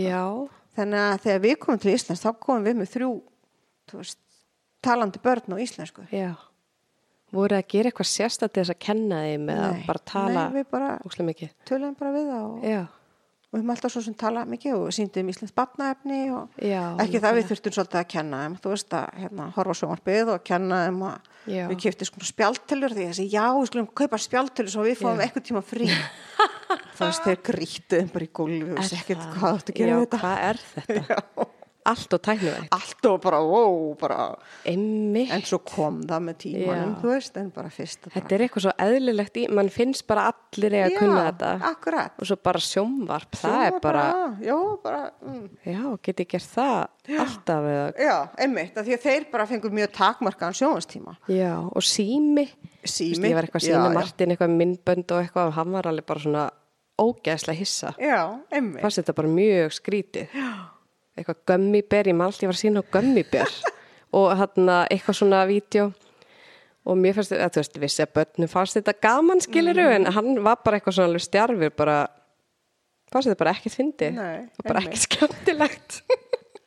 Bara, ó, ok allt í lagi, ok, bye. Já, það er mjög, mjög magna það er líka, ég maður þegar við vorum að taka myndir við tókum alveg bila magna myndböndum sko. Já, að þá, veist, þá var þessi elst alltaf mamma, sís! Þá held hann alltaf að vera að taka stillimynd sko, bara, já, ekki vídeo. Nei, bara, já, sís! Æ, krúti. Ó, hvernig, já, og var eitthvað svona annað sem að stóð eitthvað mikið upp úr í ferðinni, þetta var bara allt svona sömu dagarnir. já, svo náttúrulega þú veist breyttu við til og fórum í nýja garða og, og það er náttúrulega, veist, eftir því sem að svona, við slípum stil sem fjölskylda, þá gotum við ferðast meira saman. Já, Við notum metróður rosa mikið. fannst þér það ekki gaman? Jú, og líka bara, þú veist, það var náttúrulega 40 pluss hiti hérna á Oh my God. Þannig við vorum að, veist, að fara í ykkur vestlunum fá alveg hinum endanum, þannig við byrjum að fara með metrón í hálftíma og svo vorum við komin í ykkur vestlunum miðstu Já. og bara svona aðeins til að kæla okkur. Vá, Og svo er ég bara svo heppina, hérna, Steffi vinkona mín, hún var nú að hérna eignast börna saman tíma við Já. og hún tók mig og elsta í sund já, ok. og hérna, því hún var með tölvöld eldri börn heldur við Líka þrjú börn. Já, líka þrjú börn og þannig að þú veist það var auðvildar fyrir þau að virtist þeirra að gera hluti saman heldur Já. var fyrir okkur Já, og þegar við erum búin að fyrir sund þá var ég bara já og ég leitaði upp ykkur úti sundlög og það bara bjargaði okkur hann í hitan veist þannig að ég fór og þjálfaði þá ég fór í sund, þú veist fyrst tók ég bara einn og einn Mhm. svo tók ég tvo já. og svo fórum við öll fjölskyldan Og hvernig fannst þeim að vera í sundi?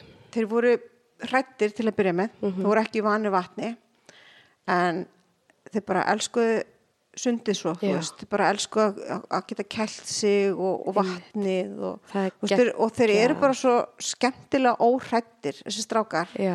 og þeir voru bara alltaf til í allt þú veist, þeir hafa alltaf til í að prófa eitthvað gera eitthvað, það er svo gaman já. og svo lifandi, sko Æ, indislegur. Og þetta er svo geggjað að vera í sundi og upp á tengslinn. Vá, þá ég mitt, það bara komur svona bara eitthvað, kveiknað okkur hefur bara, vá, þetta er geggjað enda, þú veist, við höfum bara verið í sundi síðan Einmitt. Þetta er styrla sko, bara bað og sund og allt þetta. Já. Þú veist, þeir eru að leika og augnhæðin og svo húð og húð. húð og húð og allt þetta, sko Og hérna, já, hopp í fangið og, þú veist. og tröst svo- og allt þetta að, þú veist, þetta er bara Og svo vatnið að leikum líkamann og það er öll skinfærin. Það, það er allt að gerast í sundi, sko. Já. Þannig ég mæli bara með vatni og siglingum og öllu bara Já. með þessi börn, það er Já, eitthvað ruggið og bara Nákvæmlega. Það alveg- Þessi rithmi. þessi sem er rithmi, svo- já sem er svo Já. veist, líka slakaði svolítið á taugakerfinu því að veist, allir börn eru með svo yfirspennt taugakerfi Já. þannig að þú veist, vatnið einhvern veginn svona einmitt, aðeins slakar á því Já, og hljóðið og allt. Já. Það svo, og fjör, fjaran, við náttúrulega erum bara Já. fjörulallar, þú veist, bara höfum alltaf verið rosa mikið í fjöru og náttúrulega Ísafjörði áttu við sko, hús bara alveg niður við fjöruna þannig að Já. við vorum einhver stund að komast inn í bara fjöru hljóðið, shh, já, bara, veist, bara það er geggjað Það og er ég alveg elska bara- fjöru. já, Það er bara, ef maður fer nýri fjöru, þá róast maður. já, það er bara sjórin hefur þessi Já. áhrif Og en dásamlegt, vá, við fórum ekki neina sundlega neitt. Nei. Nei, en en þú, það, þú hefur nú séns að því núna að vera í sundi ég get farið í sund núna. ég, alltaf, ég er undar mjög mikið í sundi, Já, ég já. elska sund. já, þetta er svo gott er svo gott en hérna, já, þetta er mjög, bara, hefur gengið vel. þetta gekk alveg Svona yfir höfuð, já, já. En, það, en það gekk ótrúlega vel og þú veist, við fórum í bíó og veist, við gerðum alls konar þið voru náttúrulega svo í við vorum svo ógeðslega ógeðslega lengi og það náttúrulega, ég meina við náttúrulega skildum ekkert þessar barnamyndir sko Nei, á tjekknisku. á teknísku, en þú veist, þeim fannst þetta bara stuð og það gaman og, jú. en við pössum okkur alltaf á því að, veist, að þetta var gæðastund með einum þetta var ekki Já. öll fjölskyldan að fara Ok. þannig að þú veist, það, og það, við, við gerðum það ótrúlega mikið Þannig Af að þið skiptið ykkur svona mikið niður. Já, af því það er sko stundu verið rosa pyrru þegar ég segja, já, sískinni þau eru alltaf eitthvað að rífast Já. sko, sískinni sem að, með þennan bakgrunn eru að rífast á alltaf um forsöndum heldur en sískinni sem hafa alltaf verið saman Hvernig þá? bara það meiri meira, þau eru meira svona að reyna að ná fóruldrónum sínum Mhm. þau eru svona veist, það er meiri afbrýðsemi, það er svona eitthvað Mhm.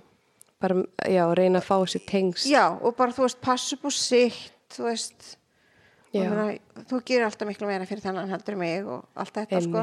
Veist, það, það er svona svona markveldis Já, sinni miljón. já, það er bara svona Já. miljón sko. Líka bara hræ, hræðsla við að, þú veist, að hann fá ekki jafn mikið já, og vera hafnað, þetta er svona bland þetta við. er allt í blandi póka sko. Já. þannig sem maður þarf að hafa svolítið á bakvið En þegar þið eru, þið gerir þetta ennþá, ekki? Jú.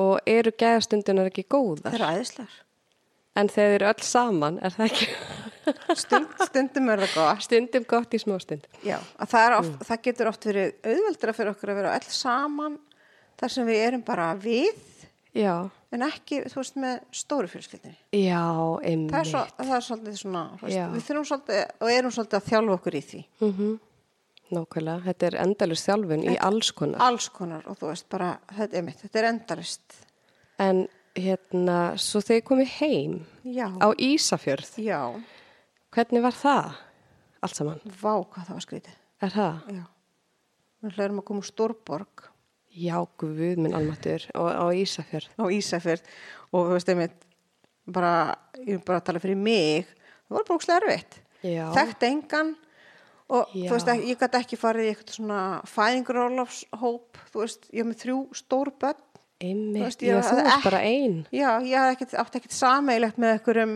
mömmum með nýfætt börn. Þú veist, bara heimin og haf hann á milli. Og engin með ætlætt börnan á sama tíma nei, eða? nei, ekkert svo leis og hérna, ég reytti mér svolítið á starfsfólki í leikskólan Já, það er náttúrulega bara sko við byrjum, hann elsti drengurinn byrja bara mjög fljótlega í leikskóla. Því að hann þráði ekkert heitar heldur en eignast vini og Já. við vorum náttúrulega búin að ræða hvað er leikskóli og svona.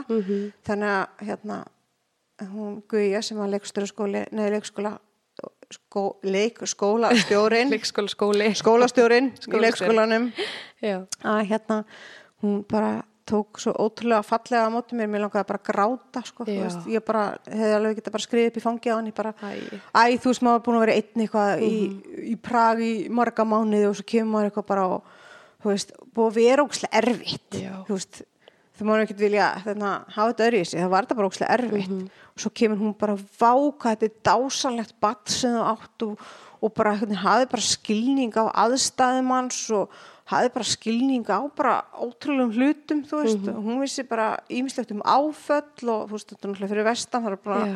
falla snjóflóðarna og, og alls konar þannig að það er svona, hún var svona áfalla þengjandi já, og bara ekkert neginn, þú veist, og, og bara tóku það tóku bara allar svo ótrúlega vel á móti mér, þú veist, það var bara enn á kaffistofu að spjalla og bara, með, ég var með þau aðlugun og bara já, Ó, þannig að þú veist, leikskólinn Eirarskjóla og Ísafjörði er bara besti leikskóla á Íslandi og það er svo mikilvægt að fá svona góðar Já. móttökur og skilningin. Alveg bara, bara indislegt og bara Já.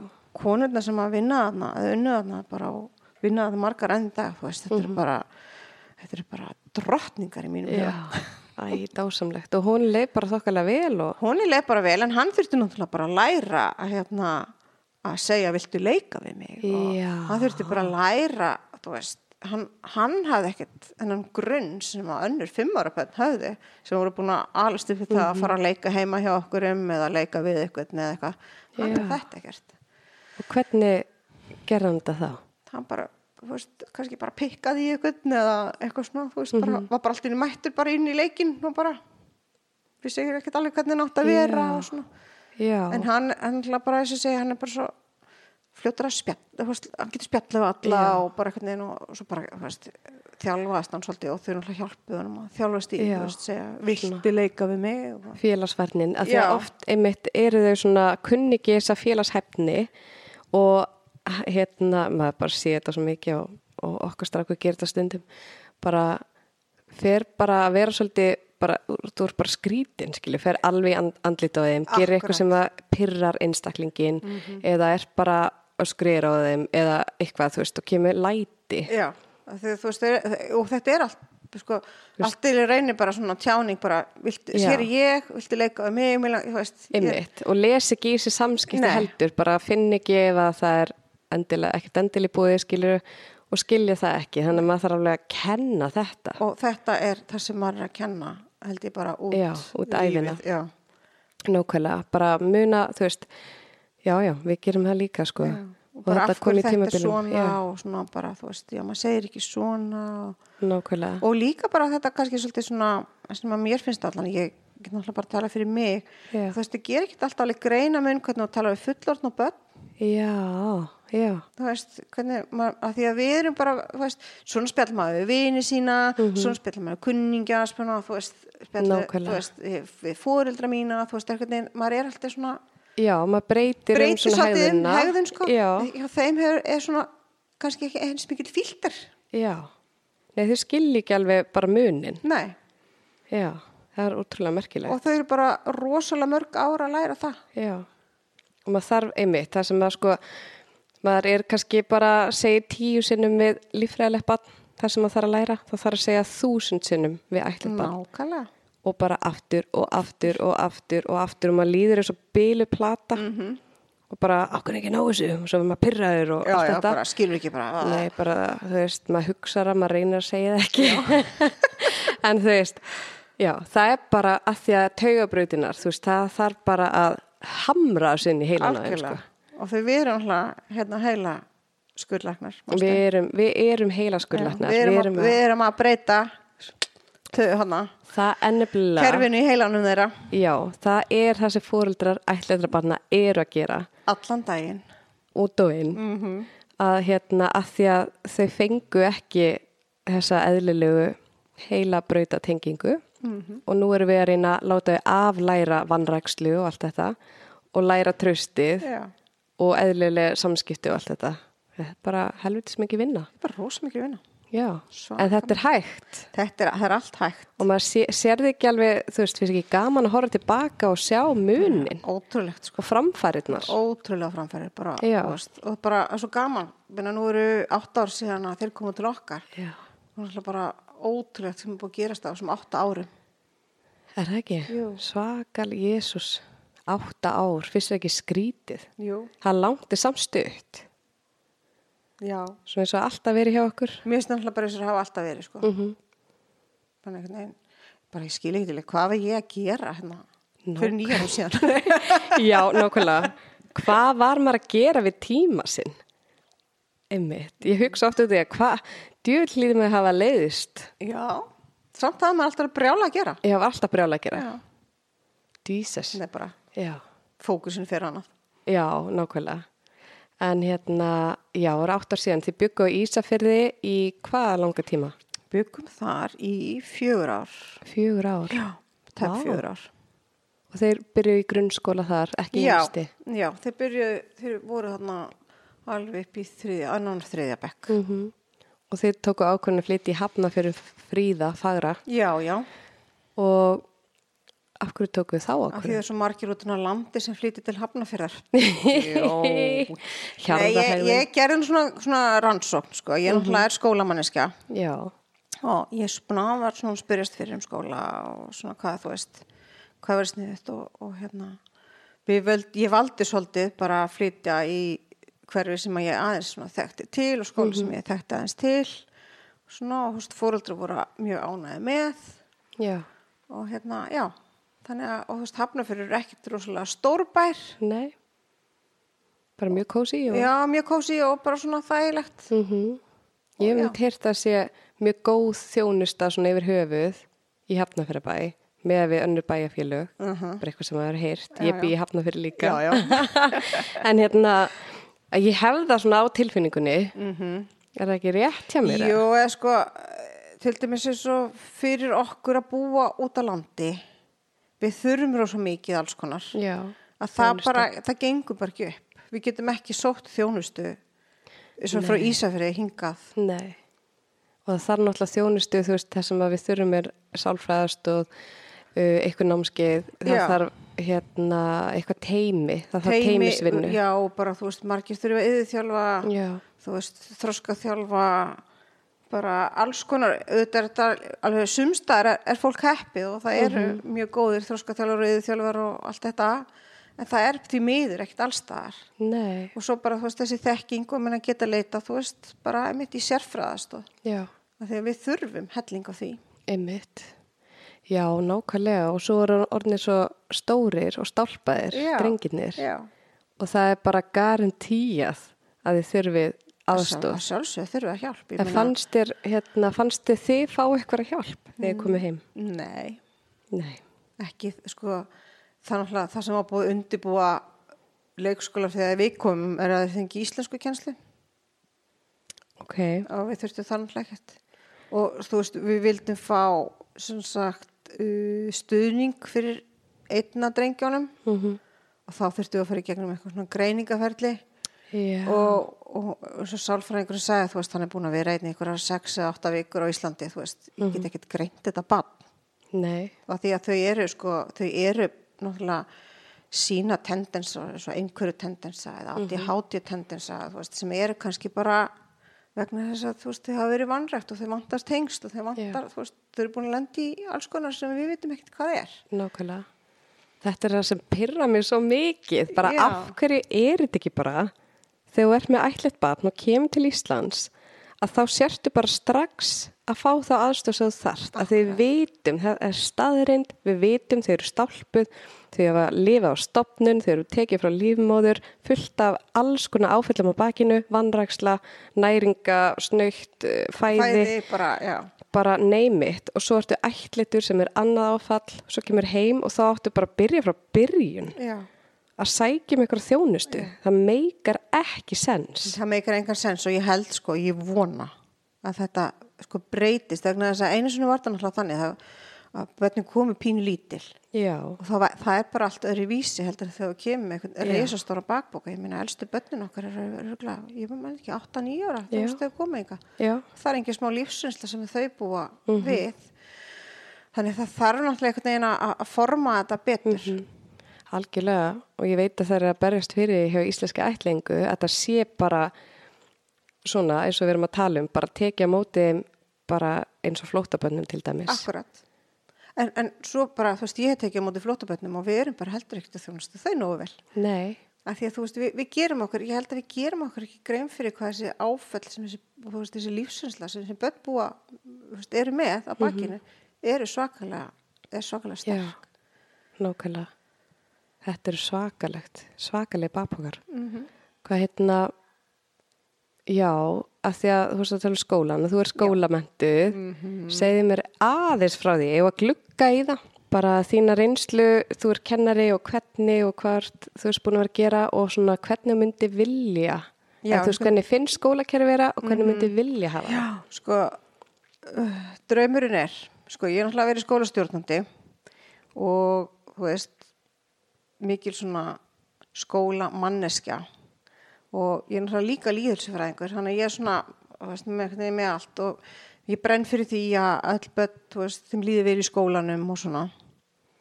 Og við þurfum svo mikið að, þú veist, ég held að þessi bara byrst sér hvort að börnin okkar eru ættleitt eða ekki, við þurfum bara að halda miklu betur utan að það inn í, inn í kerfin okkar.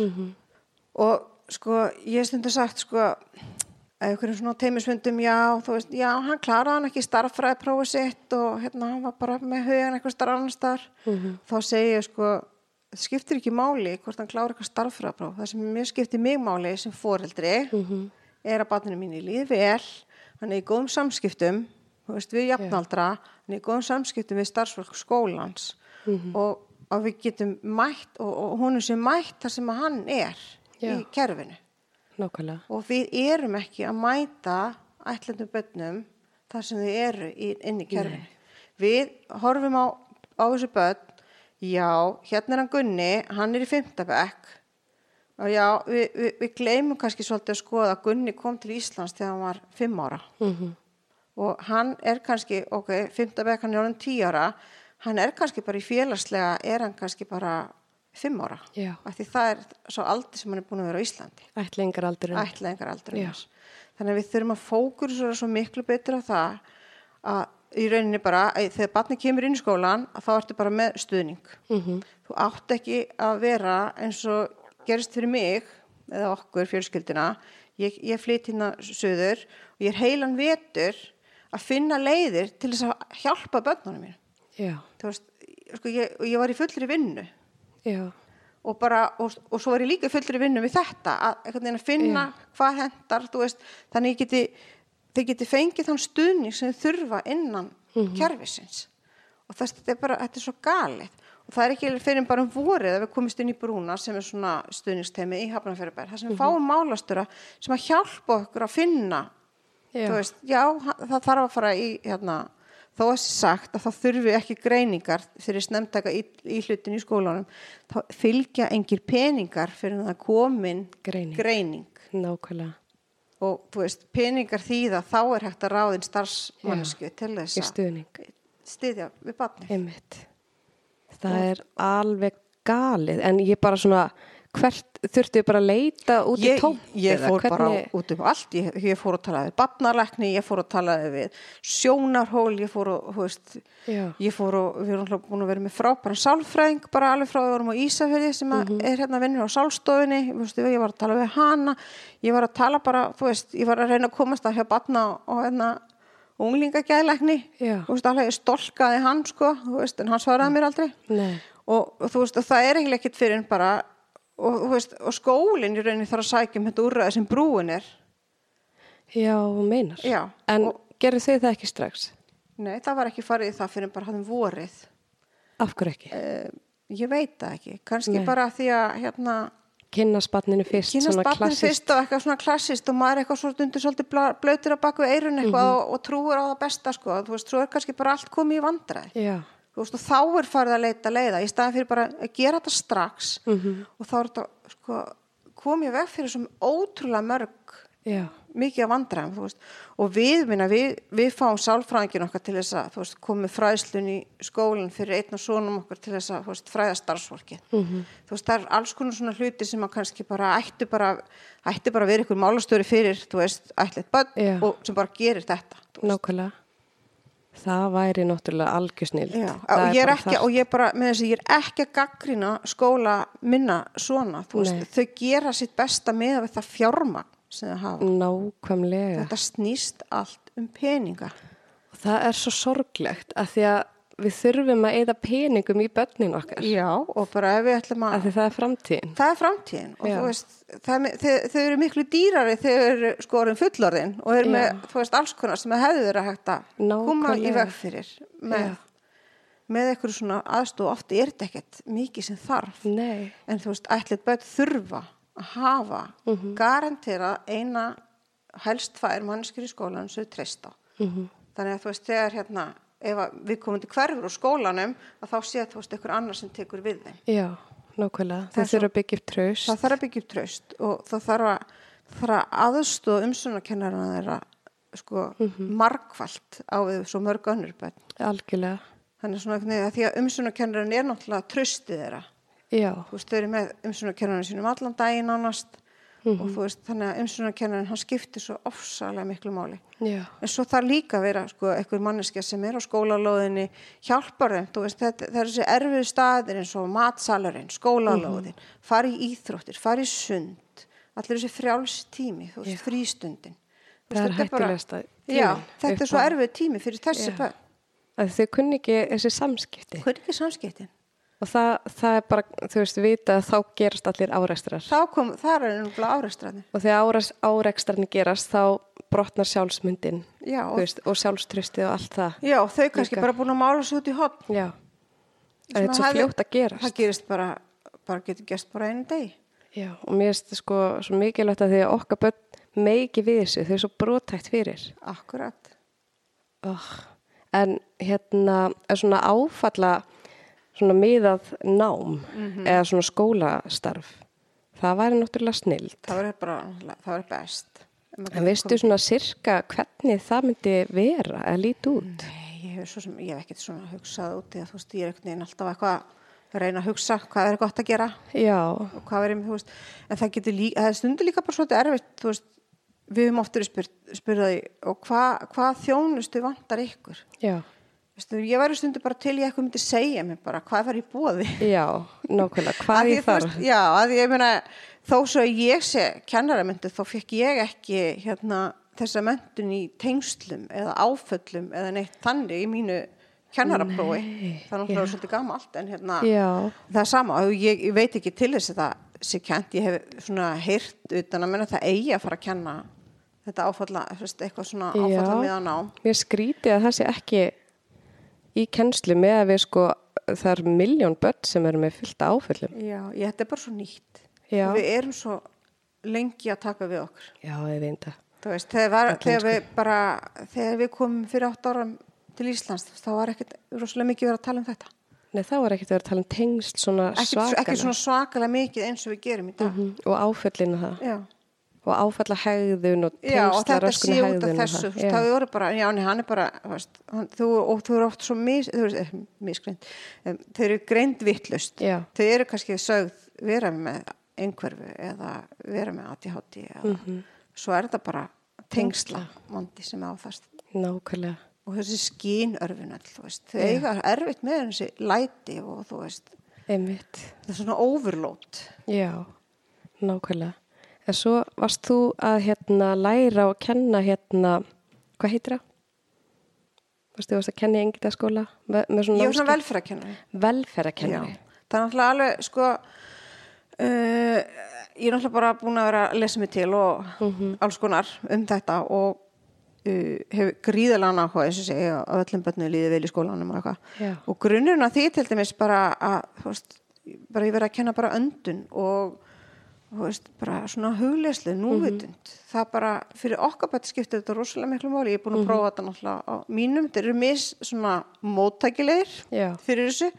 En þú veist, þeir sem að vilja gera þetta, þú veist, þetta er að hafa góð áhrif. Einmitt, og bara þetta, þú veist, við þurfum bara að kenna meira um bara sjálfstöðst Já. og hafa trúið sjálfu sér og einmitt. bara, skipti miklu meira mári, mári máli heldur en eitthvað, þú veist, samfélagsfræði eða eitthvað, ég veit já, ekki. meina, þú veist, þetta bara ætti að vera ja, bara jafngilt Einmitt. mér, bara, þú veist, þú veist náttúrulega eitthvað svona basic sem þú þarfst Mhm. að kunna í lífinu, þetta bara ennþá mikilvægara. Já, að því að þú veist, samskiptir eitthvað sem þú varst átt í okkur um einasta deg já. Samskipta hefni og svona. Já. ég var um þetta að tala við eina um daginn sem að er hérna félagsrákjafi og mikið að pæli öllu svona hérna hugleyslu og svona með börn og allt þetta.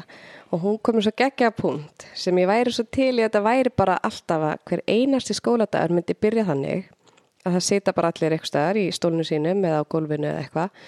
Og kennarin væri þú veist að hérna lega börnunum að svona róa tögakerfi sitt. Já. að það væri bara alltaf einhver stund gert einhver mantra eða om eða hvað sem er eh, vilja gera og öndunæfingar og börnir setja sér í skólastofuna, er að horfa kringu sig róa tögakerfi niður og síðan byrja að læra. Og ég þekki einmitt nokkra kennara sem að gera þetta. Og þetta bara einmitt, þetta er bara svona, þú veist, kennstundi verður bara eitthvað svo miklu ljúfari já, ég get rétt ímyndað þú veist, þau, eru til mér svo ofta að koma bara inn um fríminútum og þú veist, það er ímislegt sem gerist í fríminútum og Já. það fara að hafa upp óuppgjörð mála og eitthvað. Mhm. og þú veist, þarna bara, þá náðu sér svolítið niður áður en þau fara að læra. Já, annars læra ekki neitt. Þú lærir ekkert þegar þið líður illa. Nei, og bara eins og hérna einhver, einhver sagði, þú veist, sem hann kendi mér nú í, í kennarháskólanum sínu tíma þú kennir ekkert stelpu í nýjöndabæk starffræði eða algebru þegar hún er í ástasorg Nei. við þurfum fyrst að taka sorginni og svo getur hún farið að læra. Já, og það, þetta er bara þetta er bara svo satt. Já, eins og með maður sjálfan bara. Já, þegar maður er í rugglinu og streitu þá bara nærðingum upplýsingum Nei. þá er engin heima. Það var bara engin heima. Og það bara við þurfum að hjálpa þeim einhvern veginn að ná niður þessari streitu. Og ég er náttúrulega aðalega að tala um þú veist, náttúrulega alltaf hugsa alltaf um út frá ætlutu bönnum Já. því streitustigi þeirra er svo miklu herra heldur en Mhm. okkar hinna. Það bara, það er bara fast í survival mode þau eru bara svolítið föst þar. Já, og það er svo svakalega átakalegt þegar maður svona fattaði það. Já, og bara maður fór alveg í smá afneitun með það sko, já, bara, já, ég guð minn meini en svo er þetta bara svona. Er bara og þetta er ennþá svona. Já. og þetta fylgir þeim út æfina Já, þess vegna er svo mikilvægt að þau læri að hafa svona einhver tæki og tól til þess að Já, hjálpa sér. já. þetta er, eru þeir hérna allir svolítið á Varbergi eða hvernig er þetta núna áttarum síðar? Já, uh, já, ég myndi segja sko, þeir náttúrulega ætlit börn eru rosa hrætt um það að fórið mamma og pappi kom ekki aftur. Mm og það kemur alveg upp ennþá. Já, Það er bara, og sama hvað maður reynir að segja og það er bara svolítið þannig. þetta er bara bakveira Já, mm og hugsaður að vera í þeirri streitu alltaf. Svakalegt. Það er rosalega erfitt. Já, en þú veist, við bara, okkar tæki var svona að náttúrulega uh, að var bara að fá að ringja, þú veist, Mhm. eins og yngsti, hann bara, hann er bara með leiði til að ringja til að tekka á okkur. Það er bara að halda. já í skólanum Já, og það bara hjálpar það honum hjálpar hann rosa mikið. Hann átti náttúrulega mjög erfitt með að byrja í skóla. Já, veist, bara flyt, að flytja frá Ísafjörði hinga er, mm er svo stór stökk og hann myndi kannski ekki eftir því að hafa búið mikið með okkur í Prag sem var náttúrulega rosa stór borg og, og þú veist flytja á Ísafjörð þannig að, og ég, hann, hann spurði mér þess að kennarinn sinni eins og í fyrsta bekk bara, hvað gerist ef við tínumst, þú veist, þau farið bara Já. hvernig er að læka eða eitthvað Já, einmitt. Við týnumst að, í já, hann bara svo, svo ofsalega hrættur við að tínast Já, nákvæmlega. þannig að svona, það er, já, já, þetta er bara Já. En hérna, áður við ljúkum þessum parti, hvernig hérna, var það ætlega börn eins og þú bjóst við? Nei Nei Er maður ekki með Jú, glansmynd í, það í ekki? kollinu Sko það er náttúrulega ætliða þrjú börn Ég náttúrulega hef aldrei prófað að eiga bara eitt barn Nei. en hérna og eins og ég sé, sagði á hann að ég á tvö börn, eða þú veist, vera með tvö börn það er bara djók með Já. að vera með þrjú börn en þetta er náttúrulega bara ótrúlega ótrúlega dásanlegt að hafa fengið þessar litlu mannverður í hendurnar og, og Mhm. verið treyst fyrir þeim Já. uh, já, ég held að þú veist, ég held að vera allt öðruvísi þú veist, fyrsta sumar okkar sérst á Íslandi, það er þess að sumar 2016 Já, þá fyrir við sko í útilega því að þú veist, það er það sem fjölskyldur gera einmitt. og við vorum búin að pakka öllu niður klukkan, þú veist, hálf tólf og komin heim á Ísafjörð aftur. Veist, bara, veist, við meikum það ekkert. Við, við sáum þetta fyrir okkur bara já, já, þeir eru orðinir svo þú veist, þeir treysta svo náttúrulega bara að fara að gist í tjaldi hvað hjálpi mér að geta eitthvað komið og, og, og, og rænt þeim eða bara eitthvað hræðilegt gerst. Þú veist, við vorum ekkert að pæri því sko. Nei, nei, þannig að þið fóru bara aftur heim. Já, við fórum bara heim og bara Oh liði bara sko, þú veist, við vorum bara búin að vera öskurinn grein. Æ. og hérna og leiði vorum bara komin í bílinn og búin að festa alla og bara á leiðinni heim þá bara allir Já, allir bara slakir. Já, þannig að þú veist, Ú. ímislegt svona sem ég held að maður myndi gera veist, og, Mhm. og það, það bara kemur setna Já, já. það tekur bara tíma Þeir eru fullarnir. Já, Þá getur við svona slakað þess að. já nei, þetta er náttúrulega, já veist, Mhm. frábært ótrúlegt að vera treyst fyrir þessu verkefni og þessu hlutverki Og lærdómsríkt. lærdumsíkt og vonandi get ég, þú veist, hjálpað öðrum sem að, þú veist, er í svipum spórum með eitthvað, þú veist, með alla mína reynslu, Einmitt. eitthvað, tíman Já, en hérna, já nákvæmlega. Og ætli að sækja um fleiri? Nei, Já, tjók. þeir eru búin að sækja um hérna Nei, tjók. 20 í viðbót. já, já, já, já En hérna, en svona, að því við höfum 5 mínútur í viðbót. Heilsan, Já, andlega og líkamlega heilsan. Nú eru 8 ár síðan þið eignum spönnin. já Hvernig er hún búin að vera? Hún er búin að vera upp og ofan Já. Sko, þú veist, maður það kannski svolítið, sko, því ég fór að hugsa þetta með heilsuna Mm uh, Áður heldur en að þú ætliðir þá ertu búin að gangi gegnum ótrúlega margt Já.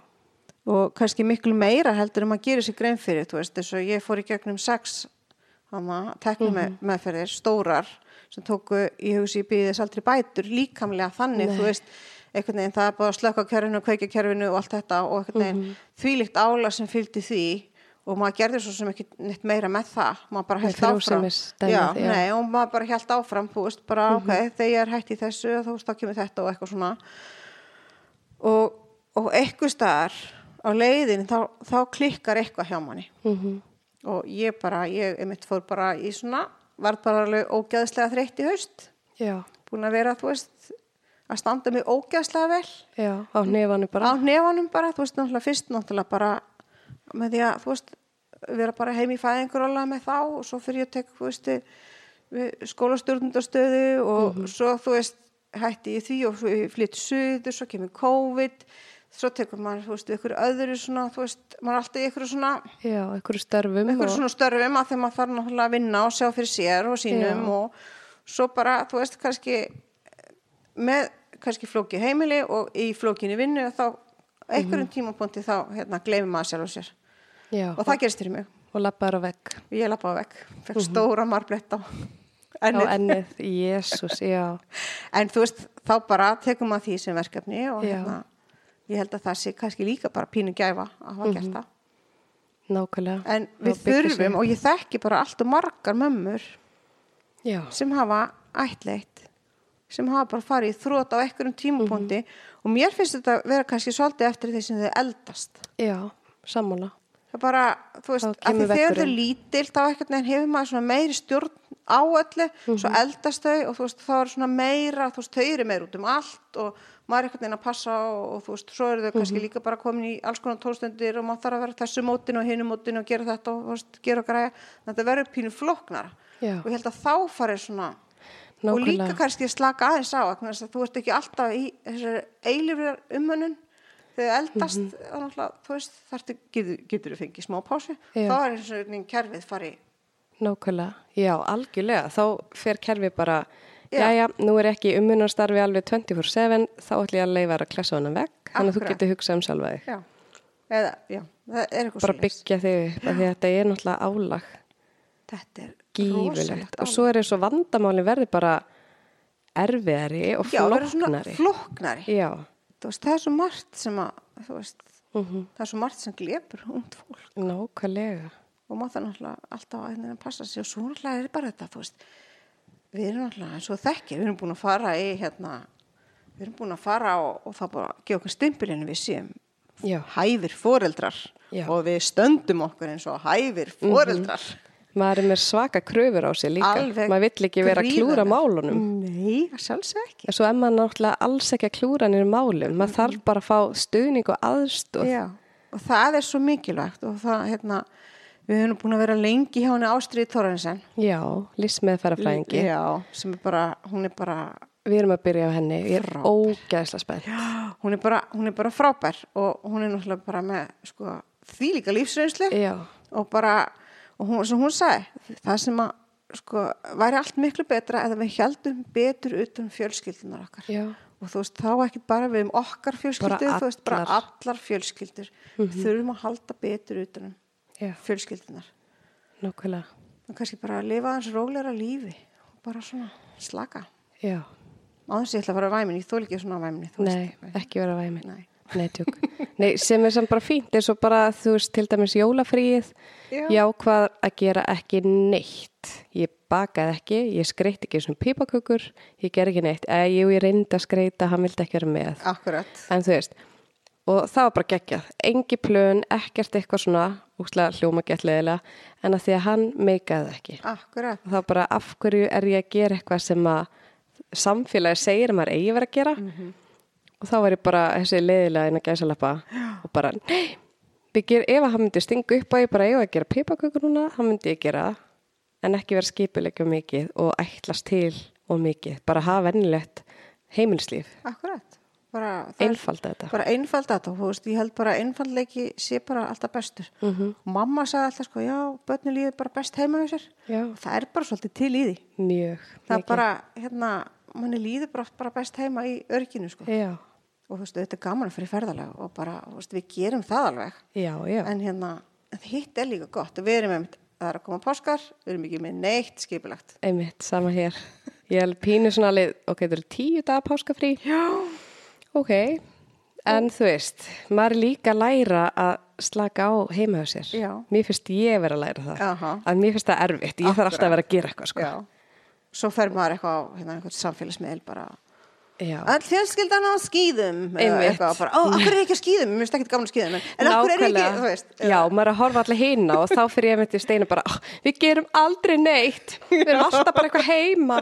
Og bara, honum finnst það betra, hann er út í fótbolta og þetta hitt og leið, já, en þú veist, já, ég fekk kannski bara einu skýði, setja á samfélagsmiðlana. Já, bara, þú veist, ég glemdi reynda, ég var á göngu skýðanámskeiðan daginn, ég glemdi að setja á samfélagsmiðl Þá gerist það ekki.